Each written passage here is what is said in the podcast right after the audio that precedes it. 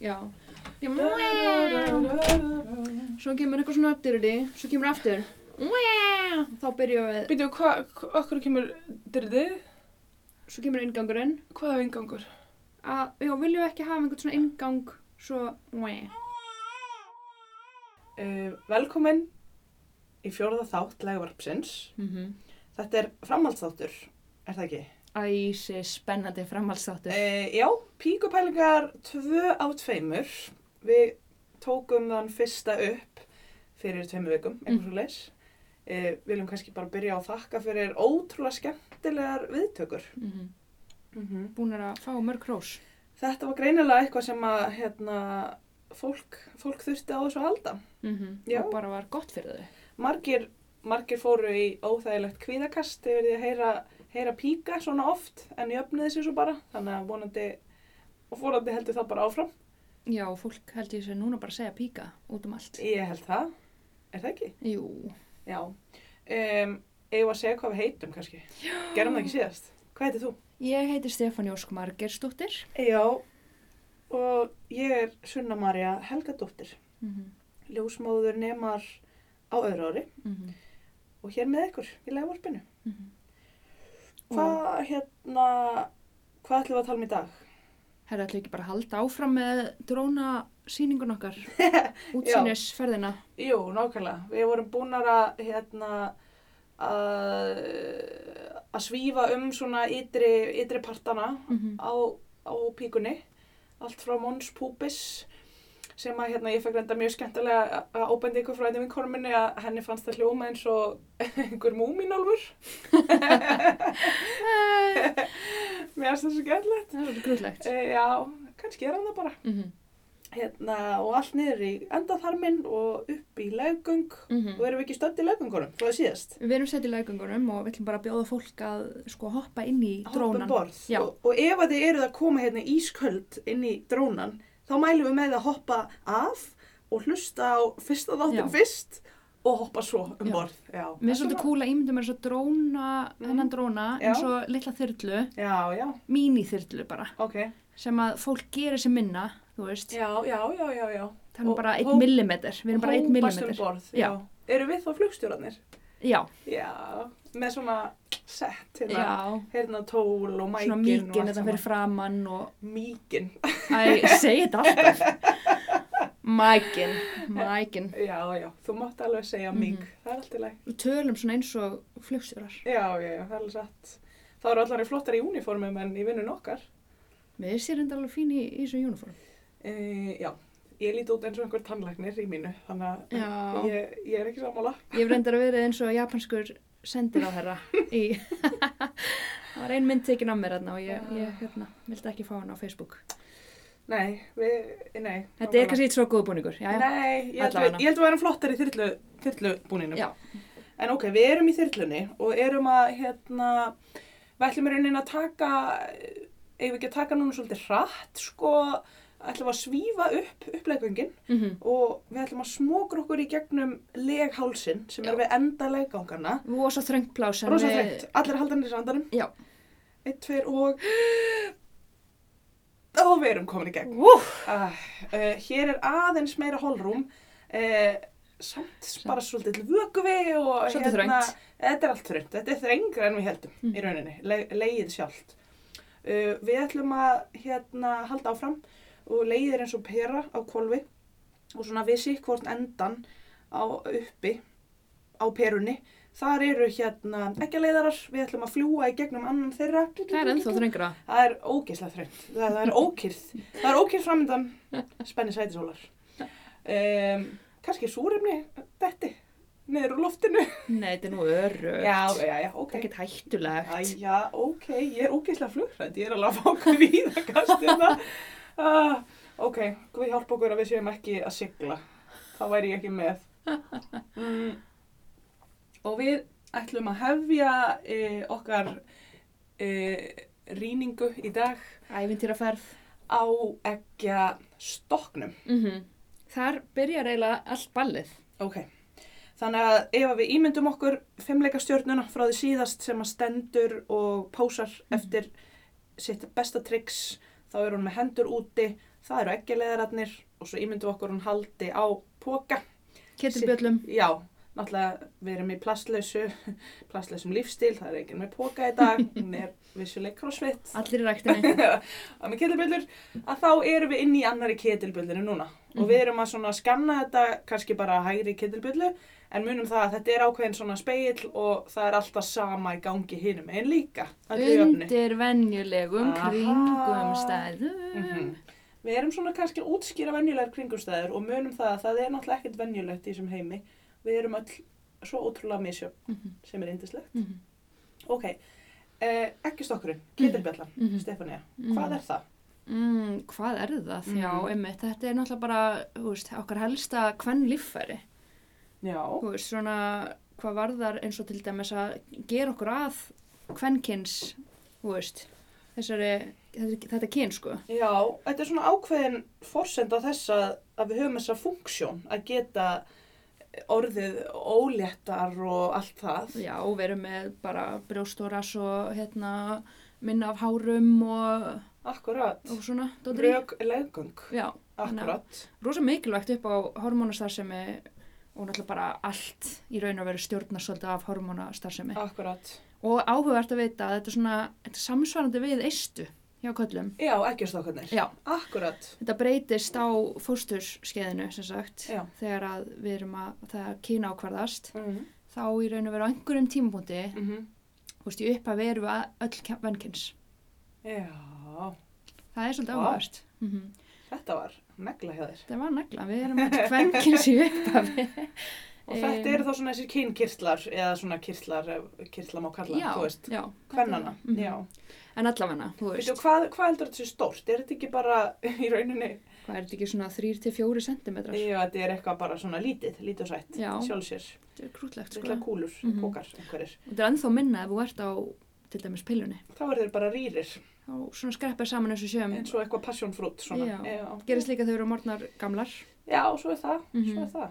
En, býtu, Ok. ok, bara Eh, út af því að það er svo margir á pillunni og getna vörnum. Já, já, Þá verður að segja sko að, að þetta stækkar síðan ef þið hættið. já, já, allt er góð. Við erum ekkert að rýra þá uh, að eilífu, Nei, nei, bara nei. meðan á, á pillunni, hérna, Mhm. pilluintöku stendur. Mm -hmm. Ok, uh, það er, uh, ekki stokkarnir, það má í rauninni alveg skipta, þau- skipta svona þeirra tilgangi eða þú veist þeirra svona starfsemi svolítið í tvænt eða Mhm. þannig. Annars vegar eru þeir hérna svona hormónastöð Mhm. eða þannig. Þeir framleiða hormón í sjálf sér, er það ekki? Jú, Það er estrogen, progesterón, þetta eru svona þessi, þessi já, estrogen er þetta kvennhormón hann sem þú varst að tala um, þú veist allt brjóstoras og læri og all, allt saman. minna hár og... Já, það er til dæmis hérna, eins og transkonur, s- þær e, nota gerðnan estrogen, hérna, sprauta í sig estrogeni og fara þá bara strax að finna breytingar á svona fytu dreifingu og þannig, geta fengið brjóst og stærri með mér og svona, svolítið áhugavert, sko, mjög. og svona ekki skeggvöxtur minkar og allt þetta. Og svo progesterón, sem er svolítið svona hormónið sem að, þú veist, í mjög einföldu máli, svona kannski viðheldur þunguninu okkar og svona er alltaf, já, það er svona pro uh, gestation Gest- í rauninni. Þetta er svona, já, svolítið meðgöngu, meðgöngu umbóðsmaðurinn Já. í sjálfsér. Og uh, þessi hormón dansa uh, tangó uh, gegnum uh, tíðaringin okkar Mm -hmm. og við kannski bara förum nánar það síðar.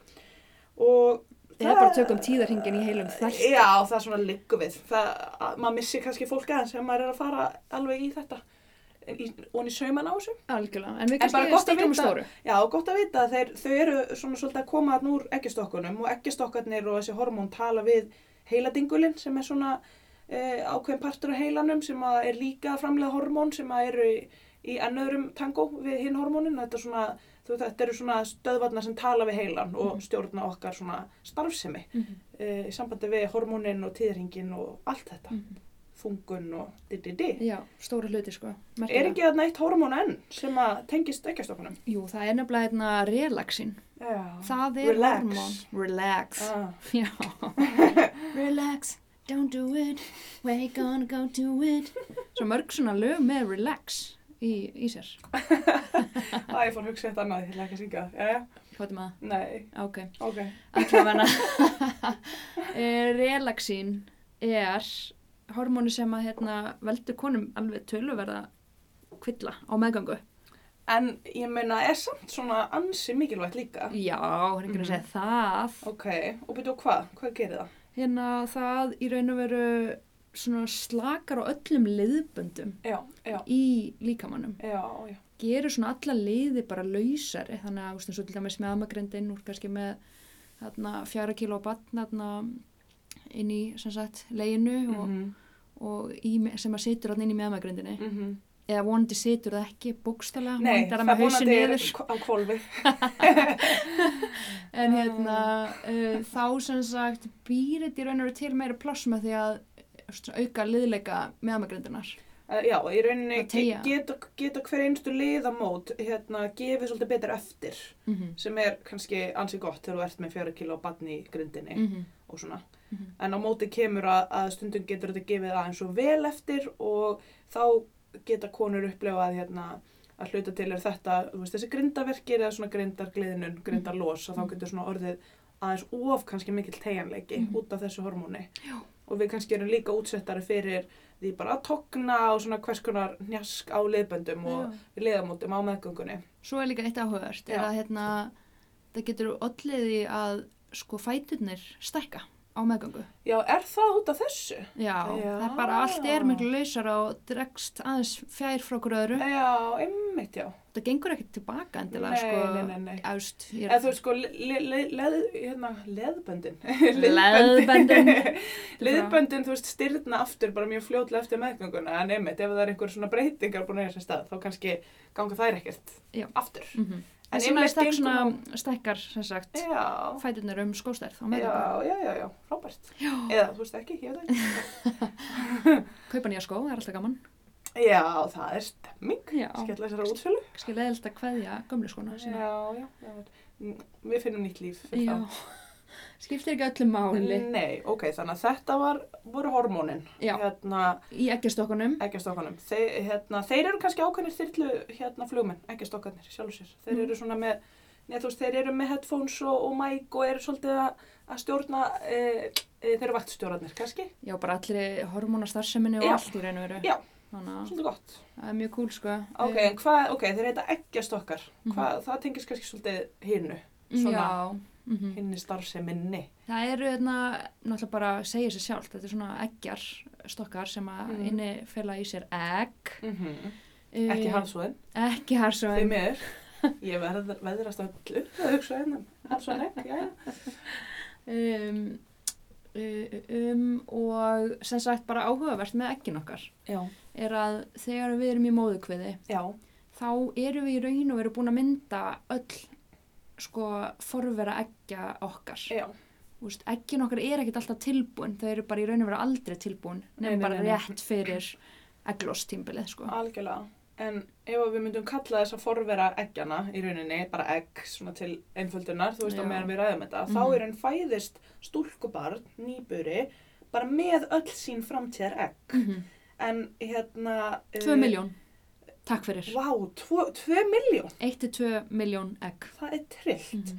Á meðan að karlmenn framleiða sína sæðisfrumur uh, alltaf á staðnum. Þeir Mhm. eru alltaf bara uh, algjörlega nýmyndaðar. Mhm. á meðan að ekkin okkar í rauninni eru við göngum með þau hérna frá bara, já, frá fóstur skeiðilegum Mhm. við. En svo akkurat þurfa þau samt sem áður að, að gangi gegnum ákveðið þroskaferli þessi, fó- þessar ekki að fórfrumur þannig að þau geta orðið þroskuð ekkfruma sem getur svo uh, látið frjókast og allt þetta. Já, Ok, þannig að þau, þetta er inn í ekkjastokkunum, eru þessi miljón ekk hérna, Mhm. tvö miljón ekk. mm En, En þeir, sko- eru reyndar, þeir eru reyndar bara að minka snarlega við kynþróskaskeiði. Ég held við séum komin í sko 300.000 við kynþróskaskeið, Já. við minnir það. Ég held sér rétt verið. eitthvað svo leiðis og við sko 25 ára aldur er, er það orðið eitthvað helmingi minna eða eitthvað sko, það er alveg rosa, rosalega sem síjast úr þessu Mm -hmm.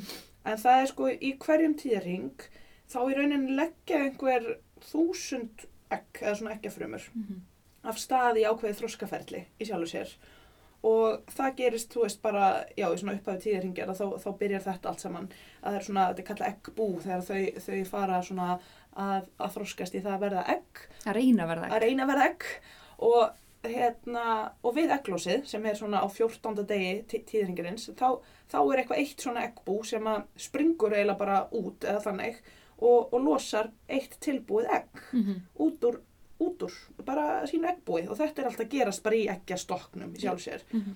Þannig að, þú veist, hvað verður þá með hinn?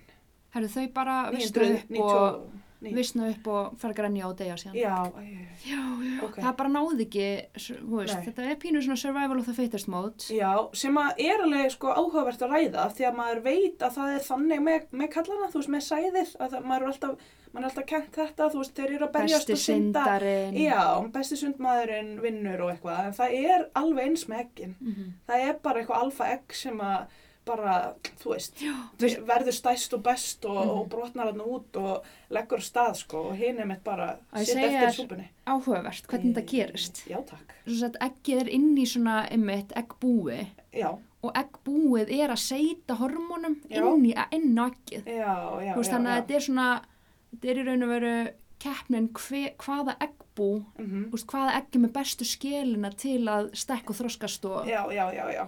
Þannig að bara á þessu í raun nokkura daga tímabili þá er bara rosa keppni í gangi, bara um að rækta upp bara Mhm. Já.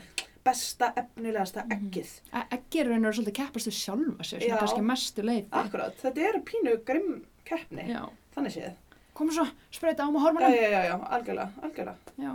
Uh, ok, en það er allan gott að vita að þessi egg okkar sem losna eru alveg bara, þau eru framúrskarandi, Mhm. þau eru bara A plus nefendur Algjörlega. sem að er, já, það er gott að Þannig vita. að við raunir fáum besta frá báðum. Já, og svolítið áhugavert hérna ef maður talar um þetta, að já, þú veist, ekki þarna heldur svo áfram leið sína, tölum við þá eftir, en að þetta gerist bara í hverjum tíðarhing og það er yfirleitt þannig að þetta gerist í vinstra, á vinstra eggjastoknum einn tíðarhing og hægri stokk- eggjastoknum næsta tíðarhing. Að hérna, og, og þú sagðir öll þessi 999 egg hérna, þú veist, sem að náðu ekki að losna, þau bara vissna að deyja að þetta, að það eru oft, ge- það eru margar getnaðvarnir sem virka svolítið þannig að það verður ekki egglós, þú veist, við losum ekki egg, þannig að þá skiptir ekkert mæ- máli þó að við séum að fá upp sæði og svona, það kemur ekkert egg til að frjókast. Mhm. Þetta er til dæmis, Þú veist, í raunir veru Já. fara öll þessi þúsund egg af já, stað. en þau fara alltaf af stað, Já. þrátt fyrir það, þannig að það er þá bara þúsund egg sem fara af stað og di-di-di og þroskast en svo bara losnar ekkert, þú Mhm. veist, þau bara, hérna, vissna og degja líka og einmitt eggjastokkarnir eru rýrari og þú veist þetta svona er allt aðeins öðruvísi bara rétt á meðan maður kannski er á þessari getnaðvörn þannig að því að þú veist það hafa oft verið vangaveltur um ok ef að ég er kannski á pillunni þú veist sem að virka svona ég fæ ekki egglós þú veist bara tíu ári eða fimm ári eða eitthvað er ég þá að þú veist spara mér öll eggin að því ég er ekki að losa þau á ég þau þá inni og er bara f- með meiri frjósmi lengur eða eitthvað þannig Mhm. En svarið því er í rauninni nei. Þú veist, öll þessi, allar svo fór eggfrömmur leggja af stað, þra- hvort sem þú ert að fara að fá egglósi eða ekki. Mhm. Þannig að maður á, á algjörlega óhuga getnaðabörn, þá er maður alltaf að missa ákveðin fjölda af eggfrömmum. Ákveðin fjölda, bara þúsund. Já. Þetta er svakalegt. Þetta er svakalegt. Þetta er svona pínu kvíðavaldandi þegar maður talar um þetta. Já. Verði að segja sjálf, bara persónulega. Pínu. Förum ekki út í þá sálma. uh, En eigum við, neðu já, eitt svolítið mikilvægt og þetta er núna að Já. tala um eggja stokka og Já. egg og svona. já. Það er eitt svona kannski sjúkdómur eða syndrom Já. sem, að, sem að leggst svolítið á hérna, hérna eggstokkana. Akkurat. Það er á e, góðri íslensku fjölblöðru eggja stokka heilkenni. Já, akkurat. Kalla, Það er kalla PCOS. Já, Eða PCOS eins og Stefania vil kalla það. það er eitthvað cool að segja PCOS. Mér finnst PKS hljóma eins og einhver svona fancy fatabúð. P- Já, herri, það er Hvað er þessi peysa? PKS? Já, það er náttúrulega KS. KS. Já, Já. Vá, hérna erum við eitthvað að auglýsa KS. Mér finnst það að vera eitthvað svona meira starffræðdæmi. Já, já, já, já. Sínus og Sí- sínus og- kósinus. Já, ko- já, KS er náttúrulega... P-gildi. Já, Pythagoras KS. Já. Já, nei, nei, en þetta, en þetta, hérna, er eitthvað svona polycystic o- ovarian eh, syndrome. Já, er það ekki, sirka, sirka. Og sko það geta, tökum það nú líka fram að það, það geta allar konur lendi að fá blöðuru á hérna ekkjastokkin. Og þú veist það e, bara, já, á heilbreiðan eggjastokk, sko. Þá, þá hérna getur það verið svona, eh, það er yfirleitt smá vökvi í blöðrum sem að segja geta sprungið, kannski við eglós eða eitthvað svoleiðis og þá fer smávegis vökvi hérna út í kviðarhóli og getur svona aðeins ert lífhimnuna og þetta getur verið bara, þetta getur verið ógeðsla vond, sko. Það er sko talað um að þetta sé bara einn af verstu verkjunum Já. á samt nýrnasteinum held ég. Akkurat, s- akkurat. Að Þetta því er að bladra svona- hérna springur. springur. Þe- og þú veist, og stelpur hafa og konur hafa alveg lent í þú veist að koma bara, þú veist, líka við með sjúkrabíla á slis og bara þú veist, alveg bráðir kviðurkir út af einhverju svona Mhm. og þá getur verið svona smá frýr vögveð þarna og þú veist, og í sjálfu sér er það ekkert hættulegt ef það er bara þetta en, en getur valdið miklu merkjum verið mjög óþægilegt sko Mhm. og hérna, en sem betur fyrir er þetta eitthvað sem að kannski kemur sjaldan fyrir ef að maður er ekki með þetta syndrom og bara, þú veist, jafna sig Mhm. og hérna, en þegar maður er með hérna, þetta PCOS sem er sko talið vera alveg þokkalega algengt Já, hvað er ekki, einn og hverjum tíu? já, það var eitthvað svona 6 til 12% eitthvað cirka, þú veist, eitthvað svona sem er talið um geta verið með þetta heilkenni það er svona aðeins flóknara þá, en þá geta verið svona þú veist, já, blöðurur svolítið setið á eggjastokkunum Margar blöðrur. Já, margar blöðrur og þetta er svolítið tengt, þetta er svona í rauninni eins og eitthvað svona innkýrsla heilkenni eða þannig innk- einhver svona efnaskipta brenglun sko, þannig að þetta er svolítið tengt við, þú veist, sigur hérna stjórnunum okkar, þú veist, þú getur lendið að fá svona insulin ónæmi og ert þar að leiðan aðeins útsettari fyrir því að fá sigursíki 2 og meðgöngssigursíki jafnvel, en svona Já, það? já, nefnilega sko Ég vissi það ekki. og svona það sem svolítið gerist er að þú, þú veist, tíðarhingurðin verður óreglulegur, getur orðið óreglulegur út af þessu Og tíðaverkirn er mjög miklir oft. Mhm. já, er það, Já, einmitt ég er búin að heyra það. Já, nefnilega nefnilega blöðurinnar geta held ég svolítið sprungið líka í kringum eglós og svona Mhm. og svo hérna einmitt, færðu kannski svolítið svona stópul eglós, þau eru þú veist óregluleg og þar af leiðandi er frjósemin klárlega skert sko. þannig að þetta geta orðið frjósemis vandamál sem tengist þessu það kannski er ekkert endilega þannig en það getur verið sko og Svo líka einmitt út af það er eitthvað svona skringilegt hormóna já, dæmi sko þá getur verið einmitt svona kannski já, hvað maður segja, ríkjandi eh, svona hárvöxtur út af sko Sko- Já, hormónabrenglunni. sko, ka svona karlhormón í rauninni geta verið svolítið hærri, Þess- þú veist, það getur svona svolítið fyllt er það þessu. ekki andrógen eða Jú, akkurat, Já. þannig að þá getur maður verið að díla kannski við svona eins og einhverja bólur og einmitt skrítin hárvöxt, mikinn hárvöxt kannski í andliti og á skrítna stöðum og svona. Það fylgir þessu ekkert alltaf, Mhm. Nei, en nei. það getur gerst. Konur oft svona í ofþyngd, Já, það er algengur svona fylgikvilli. akkurat, Þa, það er oft hérna ráðlegt þeim að ef þær eru svona að reyna að fara já, að byrja í, sem sagt, byrja að reyna að eignast batn eða eitthvað Mhm. þannig, þá Já. er oft ráðlegt þeim að svona pæli mataræði og Já. sundur hreyfingu og svona, rétt að segja aðeins. Já, það, það er talið geta sko hérna, það að vinna að, að, sem sagt, að, að léttast, getur talið bara auka frjósemina verulega þegar maður er með þetta heilkenni og sumi, suma konur eru líka, veit ég, á gætnaðvörnum í einhvern tíma, þú veist, til að reyna svona að Já, komast að stabilisera eitthvað, reglulega. já, en þú veist, maður, við erum álegnir bara ef að, ef að fólk hérna, ef að konur eru, þú veist, að eru með þetta, að kannast við þessi einkenni eða eitthvað svona, þá er þetta svona eitthvað til að ræða bara við kvelstumalegni og gott að vera bara í, í góðu, þú veist, hérna, eftirliti með það eins og ef að maður er að, hérna, uh, huga að barnegn og Mhm. eitthvað svona. Huga söfn, næringu og hreyfingu. Já, auðvitað, Allt er gott. rækta tilbyða mysterið eins og, eins og allir er Mhm. að gera svo sem. Já, þetta er svolítið áhugavert, sko. Mjög mikilvægt held ég bara Já. út- út frá því og út af því að þetta er greinilega bara frekar algengt. Já, þetta þetta er alveg tölvöld algengar en ég hefði haldið, sko. Mm Það eru margir að díla við þetta. Þannig. En hérna, Áhugavert. um, erum við búið með að- ekkjastokkunum? Já, það held ég. Ok, núna förum við úr hérna, ekkjastokkunum, þeir eru sestin í þyrluna með okkur, Já, já, já. En, ennþá með okkur, það Já, ekki? jú, Ég það getur er ennþá með.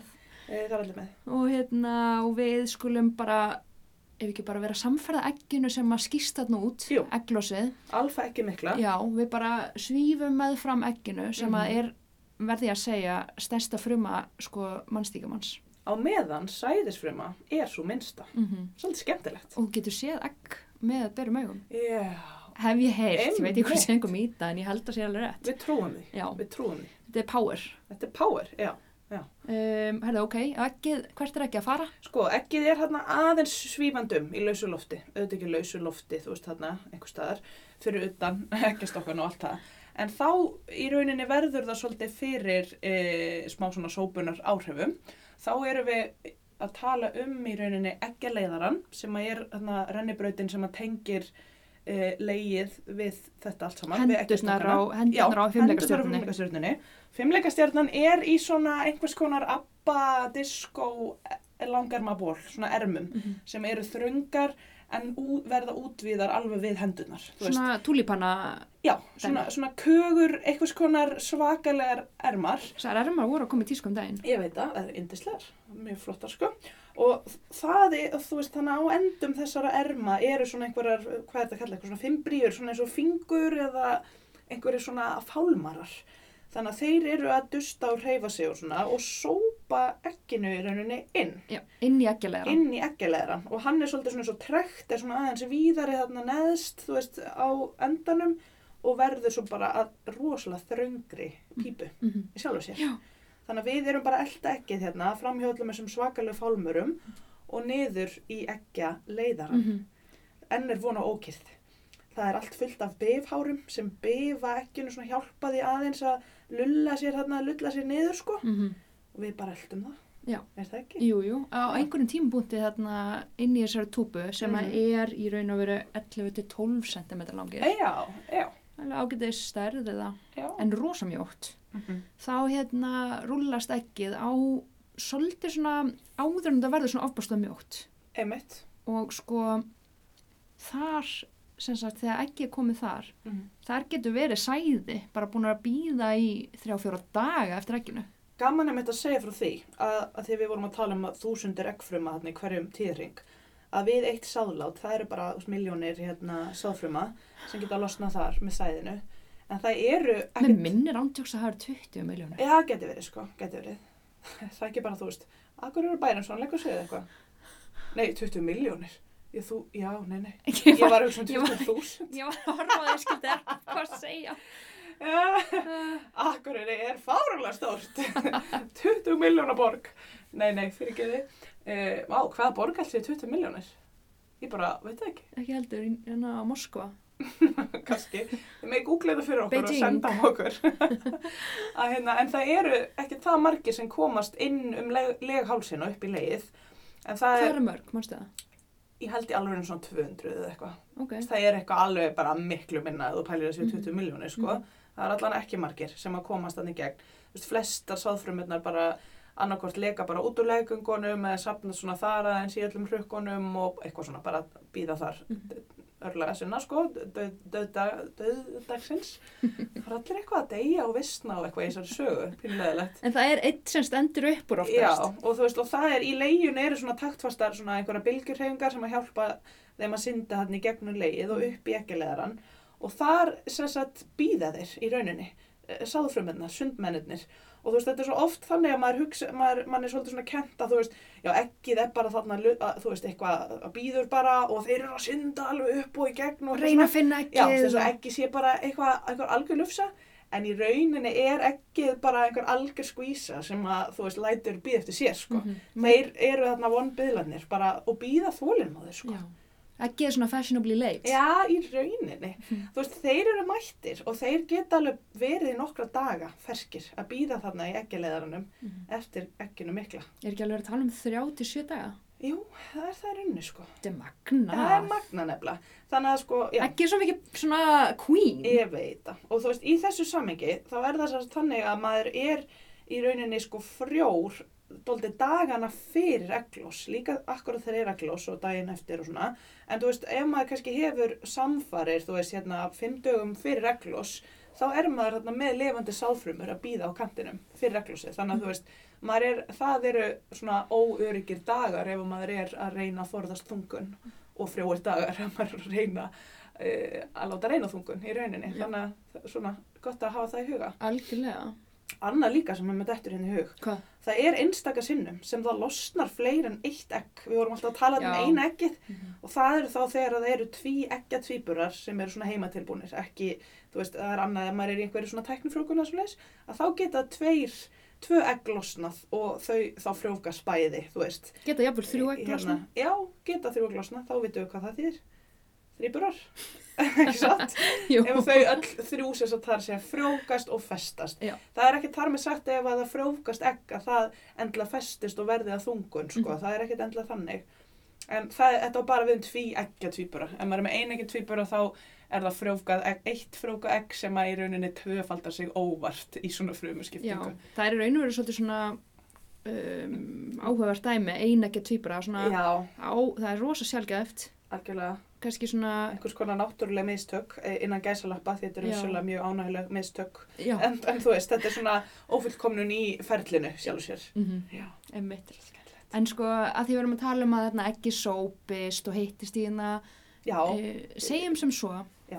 að ekkið frjóvgist, aha, aðna í ekkjaleirunum, já, en sópist ekki niður, já, ekki niður í leið. ekki niður í leiða, því að Já. ekkið einmitt fer alltaf út af þessum bifárum Já, sem er inn já, í já. ekkjaleirunum, þá þú veist, er svona, hvað maður segja, ferðalag ekkjarans Mhm. mm niður í leið, Akkurat. en, Og en það getur bæði vegi alveg tekið nokkra daga, sko, Já. að, að hérna frjófgað egg, það verður að nekja leðurinn um frjófgunin, að það, þá getur það alveg, þú veist, þessi frumu klassi sem er að skipta sér, hann getur tekið svolítið tíma, sko, í að Mhm. koma sér niður og festa sig og allt þetta. já, bara já. svona rólegu göngutúr Já, niður. já, sund, sundur, Já. nefnir. Stundum gerast þannig nefnilega að Já, ekkið sko festist af einhverjum ástæðum já, í hérna ekkjaleirunum Já, og það akkurat. frjóvgast þar. akkurat. Svo Nei, bara- það frjókast náttúrulega alltaf þar, en að það festi sér þar. Já, einmitt. Já, svo bara stækkar það og, og svona f- fóstrið þar að segja já svona akkurat. byrjar að vaks og myndast og þetta er ekkert eitthvað sem að við viljum Nei, þú veist, það heldur að það sé þarna í leginu alveg í góðan gýr, er það ekki. Það er í mjög þröngu röri. Mm. Og hvað, gerir maður, ef maður, hvað gerist ef maður er að pumpa í bolta inn í einhverju þröngu röri bara alveg endalaust? sko ef að það er Rörið gefur sig. rörgefi sig á Já. springur sko en ef að maður sé búin að finna fyrir verkjum og kemur Já. að tæka tíð upp á bráðamóttöku með kveðverki og svona Þetta er það sem við köllum utanlegsfóstur. Það er einmitt akkurat þetta. Þegar að það festir sig þarna í eggjaleðaranum. Mhm. og það eru marga konur sem að þekkja þetta, hafa lent í þessu og það er einmitt, þetta er svona þess vegna þetta er ástæðan fyrir því að alltaf ef það er einhver svona í svona eh, á fyrstu vikum óléttu að þegar það er einhverja blæðingar og verkir og svona þá er alltaf það sem að við erum að hugsa er ok, er búið að staðfesta þungun í leigi, þú veist, er búið að staðfesta að, að fóstrið litla sé innan legs en ekki þarna einhvers staðar, af því að þetta er bara hættulegt og getur orðið hættulegt einmitt ef að við náum ekki að grípa inn í þetta nógu snemma Mhm. að þá getur hann ó- í rauninni byrjað svona aðeins að ripna og gefa sig ekki leðurinn og svo bara hann getur sprungið já, þá Þú getur veist. einmitt svona blóð Já. eh, flætt frítt inn í kveðarhólið sko og það getur gerst á ógnar hraða og verið bara mjög hættulegt það er rosa mikið blóð að fara í þess, þessi líffæri okkar sko Já, þannig að ég til dæmis, ég var að vinna á bráðamáttöku, ég veit að það er stundum talað um það á, á bráðamáttöku þegar maður er svona að forgangsflokka hérna, fólk sem er að koma, ef maður er með konu á batningnaraldri, með bráðakauðurki eða svona miklu kauðurki, að þá að maður er í rauninni alltaf að flokka hana svolítið brátt, þú veist, og hérna að hún sé með utanriksfóstur uns annað sannast. Mm. Bara svona af því að við viljum bara byrja að útiloka Mhm. að það, að það sé ekki tilfellið Einmitt. og ef, að það er, ef að þetta til dæmis er að byrja að þá það þarf ekkert endilega að vera þessi blæðing úr leggöngum, þú veist, það þarf ekki að vera og stundum vita þess að konur ekkert endilega séu óléttar, Þú veist, þetta á ekki að vera hræðsla áraður en þetta er svona eitthvað sem er samt alveg gott að vita Mhm. að hérna, ef að maður hérna, Þetta er fræðslu áraður. þetta er fræðsla áraður ef að maður er óléttur á svona fyrri vikum og er ekki búin að fara í ómskoðun og er ekkert búið að staðfesta hvar þungunin er og maður er að fá mikla kviðverki þá á maður ekki að hunsa það, það er bara þannig, Mhm. það þarf að hafa samband. Algjörlega. En sko, ef að, sem sagt, þetta er náttúrulega, þetta er ágætt að vita, sko, ef að, sem sagt, um, ekki að leðurinn hérna Mhm. gefur sig, Já, um, þá er svona oftast mælt með því bara að láta fjarlæði þennan tiltekna eggjastokk, nei, eggja hérna leiðara. Já, oft Og- þarf og bara þar- að taka hann. Já, og stundum það er hægt að skafa innan úr, en, Já. en máli er að það eru nefnilega aukna líkur á að þú myndir einhvers konar ör með því að Já. skafa innan úr ekkjulegarnum og þar með meira hætta á að það gerist aftur utan, Ah. Akkurat. utanlegs fóstur, sko. Það getur bara óvart fest sig kannski aftur hérna á nákvæmlega sama stað og Já. þetta endur ekki sér svolítið. Já, einmitt út af örum og svona en það sem er áhugast að vita er í raun og vera að, þú veist, ef hann er fjarlæður mm.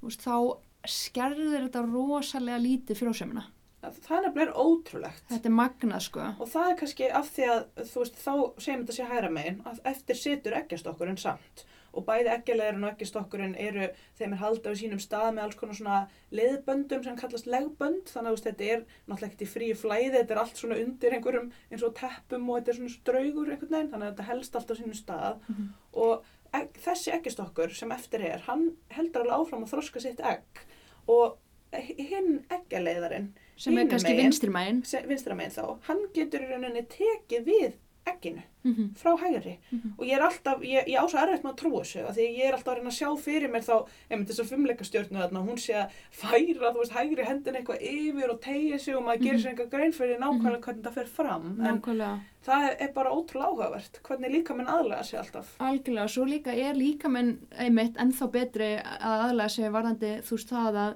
til dæmis, þú veist, fleiri egg losna þá bara frá þeim já, eggjastokki sem að eggjalærin er já, eftir. já, þannig að það, það tekur bara svolítið svona, hann tekur betur við sér Mhm. eftir eitthvað svona Já, og sá eggjastokku verður svona aðeins aktívar í að losa egg, sko. sem er sjúklega áhugavert Þetta er klikka, Já. sko. Þú veist, pældi hvað maður er fullkomin í raun og veru. já, þetta er ótrúlegt Ég er svo fullkomin.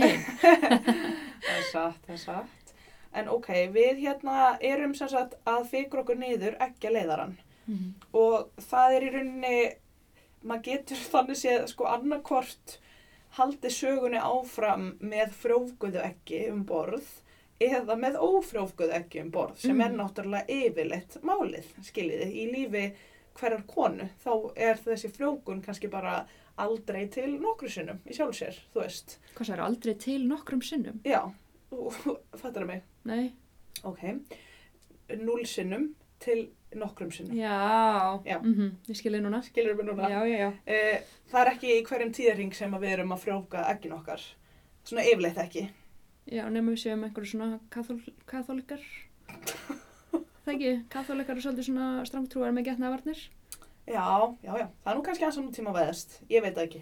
Ég ætla ekki að fara inn á þennan svellhála í sérna. Nei, nei, það bara eru sömur hópar hvenna sem að, þú veist, nota ekki getnaðvarnir og Já, já, þetta. einmitt svona. Og einmitt, talandi um þetta, að frumkonan, þú veist, konunna líka í gamla dag og svona, þær fóru í rauninni mikið sjaldnar á blæðingar og svona, af því að þær voru bara, ég liggu við konstantli annarkvort óléttar eða með barnabrösti, Mhm. þú veist, þannig að það var svo o- sjaldan sem að þær voru kannski að eiga bara þessa tíðarhingi þar sem að losnaði bara ófrjóka egg og svona, þannig að...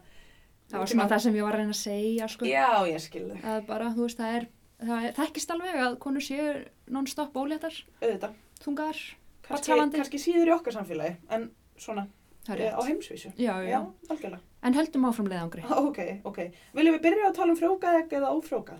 Mm-hmm. Um, ef við ekki bara byrja að tala um Tala um legið aðeins. leið bara. Ókei. Já. Góð punktur. Já, sem sagt, leið er í raun og veru þessi pera okkar sem að Mhm. Sunna nefndi í upphaf sem að snýratna öfugt Hún er bara einhver 70 gram. Þetta er bara hnefastæð í Já. rauninni. og, Þetta er og rosa lítið. maður ímyndar sér hann þetta er í raun og veru pera sem er búið að kremja saman Já, svona fram og afturveggur liggur saman. Já, Eins og þetta er ekki- brunsubröðið í fyrsta þættinum sko í legungunum, þetta er sami effekt. Já, svolítið. einmitt Þannig að við erum hérna í þyrlun okkar að svífa bara rétt milli þeirra fram og afturveggjar og það er vögvu á milli og þetta er dimmt og, og drungalegt sko. Mhm. Já. En Mhm. þetta er sko þar sem að í raun og veru badni vex Já, akkurat. e, í öllu sinni, sinni eða, í allri sinni dýrð Akkurat. Ótrúlega að hugsa til þess að þessi litla pera geti stækkað utanum barn sem er, þú veist, 3, 4, 5 kíló, Já, skiljiði, og einmitt. þá náttúrulega er leið komið bara einhvern veginn upp í maga, leggum við, á konum og upp Mhm. í bara, fyndina bara já, bara yfir og allt um kring hann í kviðnum og bara allt annað þar svona svolítið að víkja og aðlaðast, sko, rétt á meðan, svo er það bara komið undir nafla rétt eftir fæðingu aftur. Ótrúlegt Ótrúlega aðlugunar hæfni á einu lífari. bara virkilega og hérna, þetta er í raun og veru vöðvi Já. og margt annað, þetta er svona þrjúlög sem við tölum helst um Ok, en maður er að taka svona einhvern þverskurð af leginu, bara Mhm. frá, utan frá og inn, skiljuru, bara legveggurinn. Hvað, hvað, úr hverju er hann samsettur þá? Já, utanfrá er það vöðvi, Ok, það er Já. svona ysta leið. það er í stælaði Það er bara, já, og þessi vöðvi er sko gerður af þremur lögum sjálfur ok, Já, ok. sem að er bara á ská, er langsum, Jaha, er ringlaga þú veist, allt bara til þess að hérna, einhvern veginn svona fléttað saman úr alls konar þráðum sem að gera það að verkum að, þú veist, þetta, þessi, þetta líffæri getur herpt sig saman á Mhm. mjög kröftugan hátt. algjörlega, þetta er bara power en Já. aftur Þetta er það, einmitt. inn fyrir það er svona fast lag sem að heitir þú veist, það heitir á ennsku stratum basalis þetta er svona grunnlag, Mhm. í raun og veru slím grunnlag, ok, slím húðar eitthvað svona grunnlag. slímhúð, já. Já, Mm -hmm. svo ofan á hérna, þessu grunnlagi Mm -hmm. er í raun og veru önnur tegund af slímhúð sem að er ekki föst. mhm, Ok, Hún fer mánaðlega. mm Mhm. þannig að þú veist, í ein, til ennföldunar þá er þetta í rauninni svona annar ein- eiginlega vöðvi og slímlag Mhm, og það er svona hluti Slímhúðarlag, af þessu já. slímhúðar lagið þarna sem að er mjög breytilegt sjálfsögur, já. mhm. einmitt. Já, og er bara mis þykkur og mis Já. þunnur og mis æðaríkur og Mhm. vöð, hérna, hvað byrja, æðaríkur og, og svona næringaríkur. Já, akkurat. Þetta er svona, e, e, já, slím, blóð, þú veist, já, fullt af pínu, pínu litlum æðum Mm og allt svona, þú veist. Ef við tala um þetta tiltekna lag í varðandi, þú veist, hvort það ekki sé frjókað ekki. Já, það, það er svona svolítið, sko, já, maður þarf í rauninni kannski að stikla á stóru við tíðarhingin bara í einföldu máli til að útskýra þetta. Já, Þetta er við, ekki að segja það? jú, við tökum bara tíðarhingin alveg sér, blæðingar og allt í einhverjum sérþætti. Ok, Þetta er svo mikilvægt. ok. En e, ef við útskýrum þetta, þá er það samt þannig að e, þegar að, hérna, já, að, að þetta, þú veist, þessi virkni, þessi, hérna, þetta breytilega slí, slímhúðarlag, það dansar svolítið eftir þessum ekkjastokkum, þessum hormónum, heilanum, þú veist, allt þetta dæmi. Og tilgangurinn með þessu er svolítið að búa til fullkomin skilirði fyrir frjófgað egg Mhm. í leginu. Það er ástæðan, þú veist, það er bara í, eins og við töluðum um í fyrsta þættinum. Þú veist, legið er alveg grátlega bjart sínt og þetta allt saman, þú veist, við erum bara tilbúin á 28. fresti til að taka við frjófgað eggi og búa því þá fullkomin skilirði Mm -hmm. að því að þú veist frjófgað egg er mjög svona frekt, þú veist fóstur er mjög svona þú veist ágengt á að taka næringu að því þú veist það er svo rosaleg frumuskipting í gangi hérna til að byrja með og þegar við erum að meina næringu er það bara þú veist einmitt d- blóðið og allt ótið þú veist sem er, að, er tilbúið að næra leið Mhm. og þetta er svolítið svona Nei, það sem að eggið. eggið segir, Já. segir og þetta er það sem að við sko erum að, að búa til í hverjum einasta tíðarring og á ákveðnum tímapunkti þá kemur, þú, þú veist, við fáum egglós og tveimur vikum síðar byrjum við á blæðingum ef að það er ekki frjókun Mhm. sem á sér stað það tekur líka mann svona tvær vikur að gefa þessu sjans. Þannig að segjum að það verði ekki frjókun, þá uh, losum við okkur við þetta slímhúðarlag í formi blæðinga. Mhm. Þannig að blæðingarnar okkar eru, ok, þetta er svolítið svona eins og við séum að innrétta íbúð á 28 dagar fresti, gera allt tilbúið fyrir mögulegan leigjanda, alveg bara að kaupa allt og gera allt og og fylla ískápin og di di di di. Nei, bara fyrir hérna Queen Elizabeth sjálfa, Mm, sko. Akkurat, þú veist, þetta er bara keisarinn á Kína, skiljur, er að koma, svo kemur hann ekki, það, það líða tvær vikur og hann kemur ekki, Já. að þá ætlum við bara að henda öll á haugana, bara við erum bara, þú veist, og það er túrin í sjálf sér, en daginn eftir þá erum við strax farin að bara mæta aftur í IKEA og bónus og bara fylla allt, þú veist, Þá kemur einhver annu drottning. þetta var kannski hræðileg samlík, Mm. Nei, ég veit það ekki. Ingeborg Solrún Gísladóttir mæti næst, kannski. Af hverju hú? Ingeborg Solrún Gísla, geggju pía. Ok. Ah, ok, emitt, eitthvað þarf hún að bóla, Já, einhvers staðar þarf hún að sitja. já. Þannig að þú veist, þetta er svolítið, þannig að túrin okkar, tíðablæðingarnar, eru, eru í rauninni leið að skræla þetta innsta lag af því að þú veist, það er bara svona, ok, það er ekkert að koma fósturvísir, við þurfum þá ekkert á þessu að halda, við ætlum að losa okkur við þetta. mhm. Og það, þú veist, í sjálfum sér þetta að við séum alltaf að búa til þessar aðstæður er rosalegur uh, eiginleiki líkamanns. Já, það er, Og- engin, það er ekkit spendir sem fer Nei. svona ört á, þú veist, sem að skapar svona ört skilir þið. Það er einhver apategund og annars ekki. Já, Og þú ok. veist, vanalega ég held að hundar og eitthvað svona, skilur þú veist, eru bara þannig að þegar það er búin að verða frjófgun, þá byrjar leið, herðu, ok, nú ætlum við að fara að kaupa inn og allt, þannig að gera allt tilbúið og bú- búa til æðar og slím og allt fyrir leið, þú veist, sem í sjálfu sér er kannski þokkala næs, þú veist, að vera ekki alltaf, en þú veist, þetta eru svona kostur og gallar, Mhm. að því þú veist, tíðablæðingarnar, túrin okkar er í rauninni aukaverkun eða svona afleðing af þessum mekanisma Mhm. sem er í sjálfu sér náttúrulega rosalegur, en já, svo er, er túrin okkar bara þetta að við erum bara aftur og aftur að svekja leið okkar, Já. þú veist, á því að það sé ekki frjó, frjóka egg, Frjóka sko. egg. Þetta er einmitt, hérna, þú veist, segjum sem svo ef að verður frjóka egg. Mm Þú veist, Þá erum við tilbúin með svona svo ofbóðslega þykka, cushy, Já. cozy slímhúð fyrir eggið. Já, og ekki byrja svona að svona grafa það sig hreyðrar um sig þarna, já, alveg það bara grefur svo ofan í þessa þykku lagslímhúð Akkurat, og vex þar inn í akkurat, inn í þessa þykku lagslímhúð grefur sér þarna inn Mhm. bara.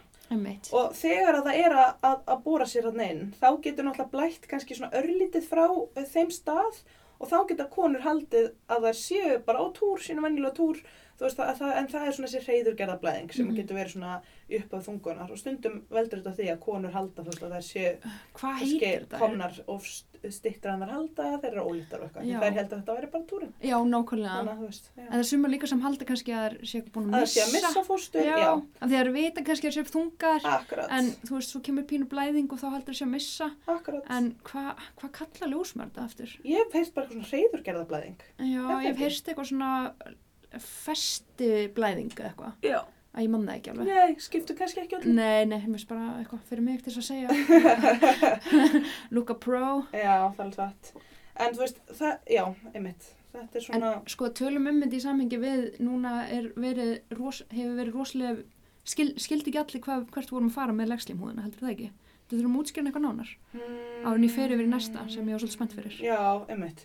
Uh, jú, ég meina, ég held það. Þetta Já. er bara, þe- þetta innsta lag sem þú útskýrir er bara eitthvað sem að er breytilegt, þú veist, það, brey, það breytist bara út úr hormonasveiflunum einhverjum einsta týring. Já, og bara fer eftir, Misþygt, misþum. já, og bara fer 28 dögum eftir að, Mm hérna, úst, í tíðarhingnum okkar, sem Akkurat. sagt. Þannig að þú veist, við blæðum því út á blæðingum og þegar við erum nýbúin á blæðingum þá er það þund en byrjar bara strax að byggjast upp Mhm. aftur í sjálf sér. Og, og varstu Þú veist. búin að, ég er með svona pínu aðteglisprest, en Já, varstu endilega. búin að segja frá herpingnum? Nei, nei, ég var nefnilega ekki búin að því. Já, Að þegar að leið í rauninni, þegar það er svona bara komin þessi skilaboð, ok, við erum ekki þungaðar, við ætlum að losa okkur við slí, slímhúðina, að þá er í rauninni leið og við erum búin að útskýra hann þessi legvöðvi, þá fyrir hann svolítið að herpa sér saman því að hann er bara að kreista út slímhúðina Mhm. og það er í svona vöðvakrampa fíling einhverjum Mhm. og veldur túrverkjum. Þannig að þetta eru túrverkirnir okkar. Ef við finnum túrverki sem geta Já. verið svona óþægindi hérna, þú veist, við, við líf, fyrir ofan lífbeinið og aftur í mjóbak og svona. Það eru, eru þessi vöðvaherpingur, já, svona vöðva samdrátt. vöðvasamdráttur. Bara og- leið er í rektinni. Akkurat, leiri rektinni og hérna, Við fáum harspörur. já, þú veist, þannig að það er, já, þá er hann að- að losa þetta út, hreinsa þetta út. Og mér svolítið áhugavert með þess, þannan mekanisma er, að, og þetta er svona kannski meir einhverja kenningar en við allan vorum að ræða það, okkur finnst þetta nú bara valla kenning, að, að stundum þegar að maður er á sem stað í tíðringinu sínum að það eru bara blæðingar handa með hotnið, þú veist, við vitum það, við ættum kannski að byrja á blæðingum á morgun eða á eftir eða eitthvað, að þá eru svona ákveðin atrið sem geta komið henni kröftulega af stað bara með að valda samdrætti í leginu og það getur til dæmis verið kynlíf að þú veist, ef að kona fær hérna kannski fullnæðingu og þá verður svona ákveðin herpingu bara í öllu þú veist, í legungunum og alveg í leginu og allt saman bara þessi ákveði herpingur og samdráttur að það getur kannski s- bara hafið tíðablaðingarnar Mhm. eitthvað örlítið fyrir en það er átt að koma og líka þú veist þetta við vitum að það er þarna þetta oxytocin flæði í gangi þú veist, oft í kynlífinu og fullnæðing og allt þetta að það, getur, það er líka eitthvað svona sem getur valdið þessum herping Þú veist, þannig að konur hafa stundum þú veist, stundum hafa gengið einhver svona mýtur á um að hérna að manni blæði meira að maður stundar kynlíf þú veist á túr eða eitthvað svona og þú veist það í sjálfu sér er ekkert þannig að það blæði eitthvað meira en það getur alveg komið þú veist í kjölfarið eða, eða komið svona svolítið kröftur samdráttur sem að veldur því að maður, manni finnst blóðið vera aðeins ferskara og koma aðeins meira í einu og eitthvað svona Mm. svolítið merkilegt Já, sko. þetta er mjög áhugavert. Já. Ég er alveg vissum að þetta sé bara satt. Já, ég líka sko. Bara svona, eftir að hafa verið nokkrum fæðingum og séð hvernig ástinn getur komið lægu vöðvanum í herping. Það er satt segir. Þannig Satt að segir. það er alveg rétt, sko. Mm -hmm. En sko, Já, mér með fannst... leikslímuna. Já. Já, mér fannst svo cool. Eh, Mhm. Sko, af því ég núna nýlega bara lærði ég hvernig hérna, endometriósa virkar. Já. Uh, Þakka þér fyrir það, sunna mín. Já, verður að því. Um, uh, uh, En uh, öðru nafni er leikslímuflakk. já, það er búið sjúkdóms- að vera að ræða kvensjúkdóms. þetta rosa mikið. Já, sem Ég- betur fer. Já, þetta er rosa sásökafullur, hérna, er þetta sjúkdómur eða er þetta... Já, ég held að mig alveg kalla þetta sjúkdóm, svona Já. Mhm. hvern sjúkdóm. Já, Mm -hmm. einmitt. Þá sem sagt, um, er ekki rétt hjá mér að hérna, við erum með þessa legslímu sem að getur hérna, sem að fer oftast bara niður um leggöngu út á hverjum blæðingum. Mhm. Ah. Akkurat. Og þetta eru náttúrulega ákveðna frumur, þú veist, sem að mynda þetta slímhúðalag, þú Já. veist, sem að er að búa til þetta, uh, æ, þú veist. Já, já, bara, bara allt allt í þetta dót. lífinu er Já. frumur, sko. Já, Ah. auðvitað. Við erum já. bara gerð upp af trilljón frumum, sko. Akkurat. um, og þessa frumur getur stundum trýtlað á aðra staði akkurat. um, og það sem að þú veist þessar frumur náttúrulega hlutverk þeirra er að losna undir ákveðnum kringumstæðum Já. við ákveðin hormón Mm að losa sig frá líffærinu Akkurat. um, og þetta er rosa slæmt ef að þessar frumur eru staðsett einhvers þar annar staðar inn, inn í, Mm inn í leginu. leginu sem sagt. Og sko orðið í sjálfu sér er svolítið lýsandi, legslími flakk, þær hafa farið á flakk, flakkað út úr leginu, þær geta setið á sko, þú veist, bara meltingafærunum og eitthvað svona, þú veist. á ekki eggjastokkanum stokkanum á þvagblöðrunni og þú veist, það eru bara dæmi um að það, það hafi fundist svona frumur sko, eða svona legslíma bara á lungunum eða eitthvað, skilur, ég veit það ekki, bara alveg hér og þar. Og þá er það þannig að þú veist, þær hlýða bara, einmitt, þessum tíðarhingjar hormónum eins og við vorum að ræða og, og blæða og losa, einmitt, losa sig við Losa sig blóð frá. og vökva og já, losa sig bara þarna á, á blæðingatímanum í tíðarhingnum en valda þá náttúrulega blóði og vökva inn í kviðarhólið sem að við vorum að útskýra áðan að væri mjög sársökafullt Já. eins og við vorum að segja þegar það springur bladra á ekkistokk og svona að laus vökvi í kviðarhóli veldur greiðlum verkjum þannig að þessar konur sem að er að klíma við þetta að hafa legslímuna annar staðar en í leginu að þær eru ofta að díla við rosalega sársökafulla túrverki Já. Þú veist, við erum að tala um bara þær eru bara að kasta upp og þurfa bara að vera he- veikar heima og einhvern veginn, þú Mm. veist, bara ekkert sem að getur, þú veist, er ekki verkelif og hitapóki og svona sem að getur neitt laga þetta, sko. Nei, náttúrulega, þú veist, allt sem að er svona, allir verki sem að tengjast svona innri Já. kviðurhólslíffærunum Já, eru bara verstu verkinir. já, það er erfitt að eiga við þá, sko. Og rosa er þetta eiga við og rosa er þetta staðsetja Mhm. og svona. Sem er áhugavert er að í raun og veru þetta sé bara mjög nýlur viðkendur sjúkdómur Mhm. og njö, mjög nýlega að fara að tala um þá sem er svolítið svona, En sko, ég veit að, einmitt, þú veist, það getur verið ákveðin svona frjósemis skerðing sem fylgir legslímuflakkinu ok, og það eru svona, geta myndast svona ákveðnir örvefir og samgróningar inn í kviðarhólinu út frá þessum vef eða þessu, þessari legslímu sem hefur farið á flakk. já, Þannig að stundum eru svona konur sko settar, sendar í kviðarhólspeglun bara hjá kunstdómalækni og það er kannski hægt að hreinsa jafnvel fjarlægi eitthvað af þessum frumum, þú veist, frá þessum stöðum sem þeir eigi eigi ekki að vera á. Mhm. Það getur þá verið ákveðin svona meðhöndlun á einkjörunum, kannski einhver tíma, það er ekkit endilega einhver lækning. nei, En þetta er svona, já, við kannski getum ekkert farið eitthvað mikið dýpr út í þetta en þetta er svona eitthvað sem er alveg gott að vita er til og ef að maður er með einhver svona sjúkleg enginni sem tengjast tíðablaðingum sko, það er ekkit eðlilegt nei, að þurfa að hringja sig inn veikan ítrekkað og, og vera bara, þú einmitt, geta bara ekki, þú veist, vera bara kast upp og ekkert sem að bara óvinni fær já, og, getur linað þína líðan, það er ekki eðlilegt sko, alls Nei. ekki. nei, maður ánafla að geta hlupið marathon og maður á að geta staða haus og maður á að geta gert í raun og farið veru bara, sund, stundakinnlíf, það er, túr er engin hömlun fyrir eitt neitt. á ekki að Á vera, ekki vera það. mitt, Sannlega ekki, sko. já, vonandi fyrir flesta er það ekki. Nei, algjörlega. Algjörlega. En hérna, uh, vilt þú bæta einhverju meira við hérna varandi leið sjálft, svona mín? Mm, ég held bara ekki. Nei, það er kannski eitt Jú, hérna. kannski hérna, það, það er svolítið, mér er svolítið merkilegt með, sko, hvernig það snýr leið. Já, já, já. Að það er í, sko, það hallar sér í flestum tilökum fram og er í svona eins og bara liggvið 90 gráðu sveigju fram á við. Þannig að þú Svona veist- áttalegu, hérna. átta bara lífbönnun naflanum Lífbönnin, okkar já. sko. þannig að þú veist, ef maður er að fikra sér upp leggöngin að þá svona er þetta eins og einhver bóið síðan fram á við, þetta er ekkert í sama plani í sjálf sér, svo er svona kannski þú veist, ég hef heyrt einhver tíman að sé svona eitt af hverjum fimm legum sem að sveigir sig aftur á bak, þá bara þú veist ég átt að, að hérna að, Endaþarminum. sko, já, endaþarminum okkar og hérna, og að það ég, ég vist ekki að skipta neina máli sko, hvort, hvernig legið sveigist upp á, þú veist, það bara virkar nú alveg upp vel Já, Það eru reynda til alls konar útgáfur af, sko, maður getur verið með tvö leg og tvískipt leg og tvö laggöng. tvö leggöng, tvö leghálsa eða þú veist, tv- tv- tvö leg en ein leggöng og það er alls konar Svo til í getur maður þessu. verið með svona bæði, hérna, kannski tvítóla, ef við nefnum það, að vera með svona bæði. Já, verið eins og bara í- intersex í rauninni, Já, er það ekki? já.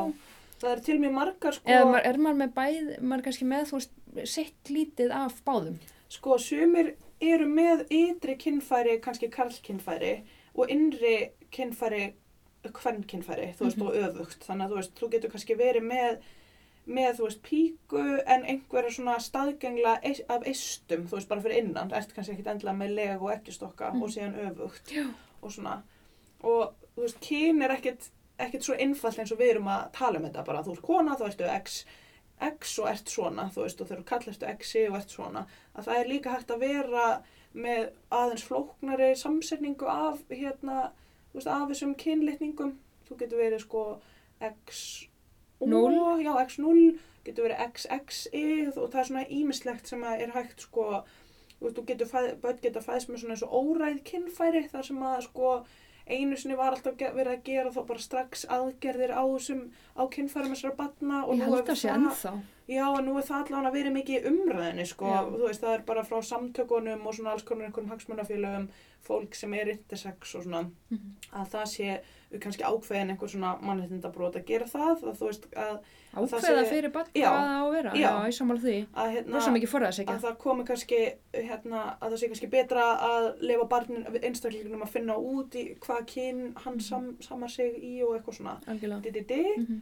og svo náttúrulega er hægt að fæðast bara hérna með öll, öll kyn kvennfærin og í kyn nefnir kvenn líkam og allt þetta en, Mhm. en upplega sig sem strák og skilgrana sig þá sem strák og þú veist allt þetta það eru náttúrulega bara endalisar útgáfur af þessu öllu saman Mhm. Eh, þegar kyn er annars vegar Algjörlega. þurfa ekkert allir að vera kona eða maður eða hvað þannig Mhm. að Við þyr- Það væri gaman að fá kannski einhvern tímann í spjall einhvern, þú veist, frá samtökunum 78 eða einhver sem er svona mjög vel að sér í þessu. Já, ég held bara að allir hafi gott að fræðast um Já. þetta sko, að vera með ákveðinu vitundvækning og sérstaklega kannski heilbreyðstarfsmenn. Líka því að sko, þegar barnegnir eru annars vegar, þá er þetta eru allt svolítið flókið að vera kannski einstaklingur sem að er ekki akkurat í þessum staðalboksum, að vera strákur eða stelpa og þú veist, að vera kannski transmaður sem að gengum barn og sem maður hefur heyrt alls konar svona, Mhm. hérna, bara svona dæmi sko, að þetta getur örugglega verið, hérna, pinnflókið. Mm Algjörlega. Þannig að,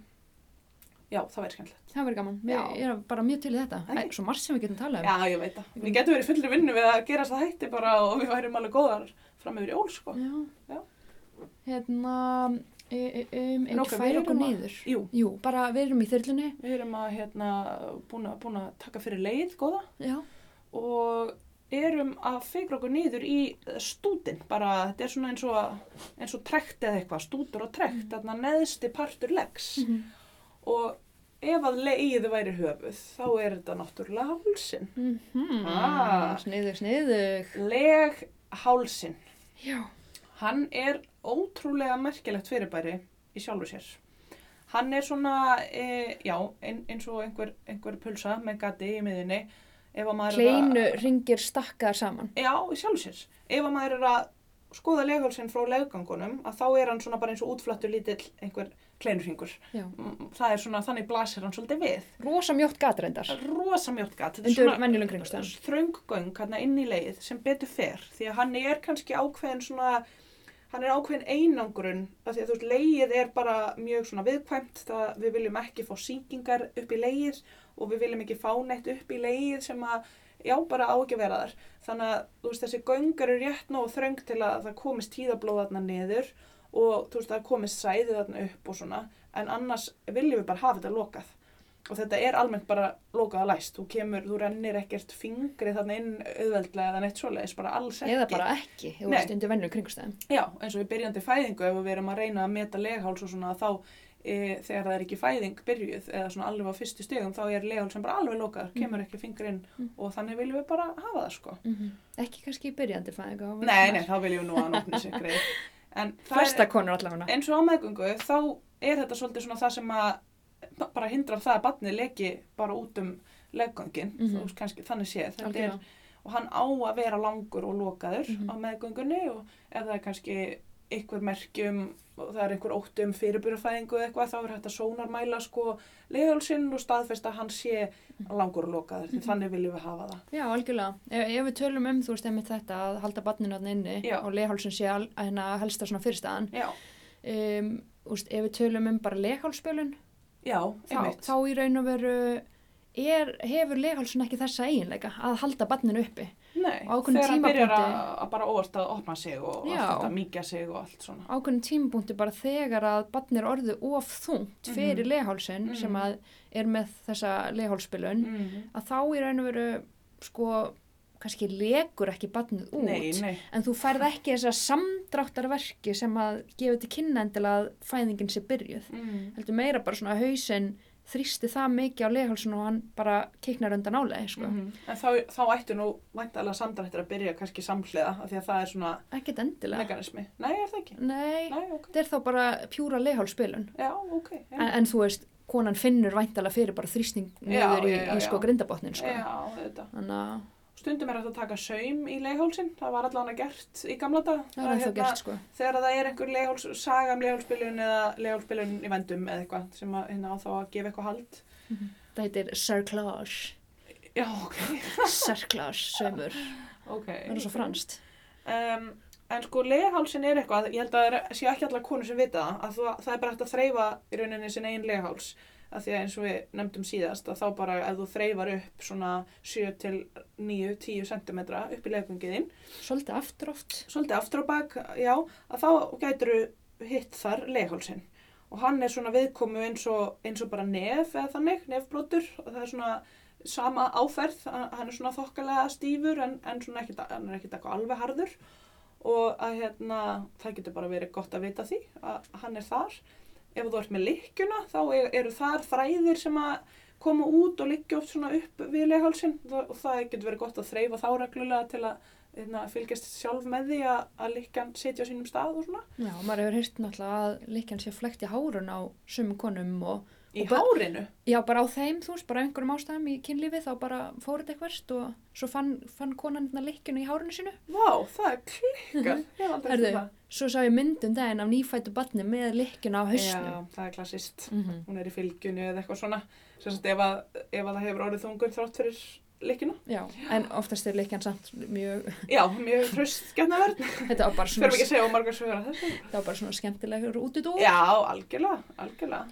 En sko, um, já, leghálsin einmitt eins og við vorum að ræða síðast er svolítið svona, einmitt, sönnun þess bara að, þú veist, allt þetta með tippastærði, kynlíf og eitthvað svona er svolítið, það er búið að blása það svolítið mikið upp af því að, þú veist, þetta er bara staðurinn sem þú klessir á við samfarir ef þú ert að fara alveg inn í enda og það er ekkit þægilegt, það er ekkit gott að láta koma við leghálsin, hann er bara svolítið svona viðkvæmur Þannig að þetta er svona ekkert, ekkert spennandi tilfinning Nei, nei, nei, heimitt, þetta að er láta svona, ít í hann. svona margar konur tala um í kynlífi að þetta sé svona, þú veist, það sem líður eins og tippi sem fara upp í maga. Já, Eða svo niður aftur í í rass. rass, einhvern veginn. Já. Já, einmitt. Þannig að það er bara... Það finnst engum það gott. Nei, það er ekkert, ekkert aðal atriðið að, Mhm. að hérna, þetta allt saman fari sem lengst og eitthvað svona. Bara Mhm. gott, að, gott að blása aftur og aftur á þá mýtu, sko. Algjörlega, aldrei of oft sagt. Nei, sjálfsög ekki. En sko í þarna þessum leghálsi, í þessum þröngu göngum, það er svona kannski mesta framleyslan á, á því sem við kallum útferð, Mhm, kannski, já, kannski útskjörum hana aðeins og eftir. mhm. En sko þegar að, hérna, við erum óleittar og erum að fara inn í fæðingu, þá er þessi legháls svolítið svona aðalatriðið varðandi, það eru flestir sem þekkja kannski hérna útvíkkun og svona og það, er, það halda svo margir það séu hérna leggöngin séu í útvíkkun og við séum að mæla það, við erum alltaf að þreyfa upp á hann legháls ef við erum að þreyfa og gera einhverjar innri skoðanir og eitthvað svona í, í fæðingu Mhm. og hérna, og leghálsin gengur í gegnum ákveðna breytingar í fæðingunni. Mjög mikla breytingar. Hvað þarf hann að gera til að bann geti fæðst? Leifálsinn. Hann þarf að fara allavega úr 0 cm í 10, já, Hann þarf að opna sig. já, sem er alveg slatti. já. já. Um, geggjaður eiginleiki. Hann geta- þarf, hann snýr, Tífalda sig. já, hann snýr oftast aftur á bak, niður, aftur í rassinn og stundum fram reyndar og hann þarf að komast, hann þarf að færa sig niður í miðina þannig að hann svona snýr bara niður í leggöngin. Mm Hann þarf að Styttast. Hann er svona 3 cm, 4 cm langur svona venjulega. Hann verður bara núl í rauninni Já. og hann þarf að Þinnast. þinnast, hann verður bara eins og eitthvað þunn himna, bara blað einhvern veginn. Mm -hmm. og hann þarf að, að mýkjast, hann, Mhm. hann verður bara mjúkur og sérstaklega ef maður er fætt áður og svona og er í fæðingu þá er þetta oft bara svo alveg bara mjúkt eins og smjör í rauninni, þetta allt saman, sem er svolítið áhugavert sko mhm. og einmitt og opna sig þarna alveg upp í 10 cm. Magnað. Þetta er magna. Þetta er það sem að, þú veist, þetta er það sem að er svo svona vond í raun og veru er að hann sé fa- þú veist, svona að fara frá 8 til 10 cm til Já, dæmis. algjörlega. Þetta eru, Bæði það er eru sársauki sem fylgir samdrátt, já, bæði samdrættinir en líka bara þessi með tilfinning um að leghálsum sé opnast er, mm getur oft valdið svolítið miklu sásöka sko. akkurat, akkurat.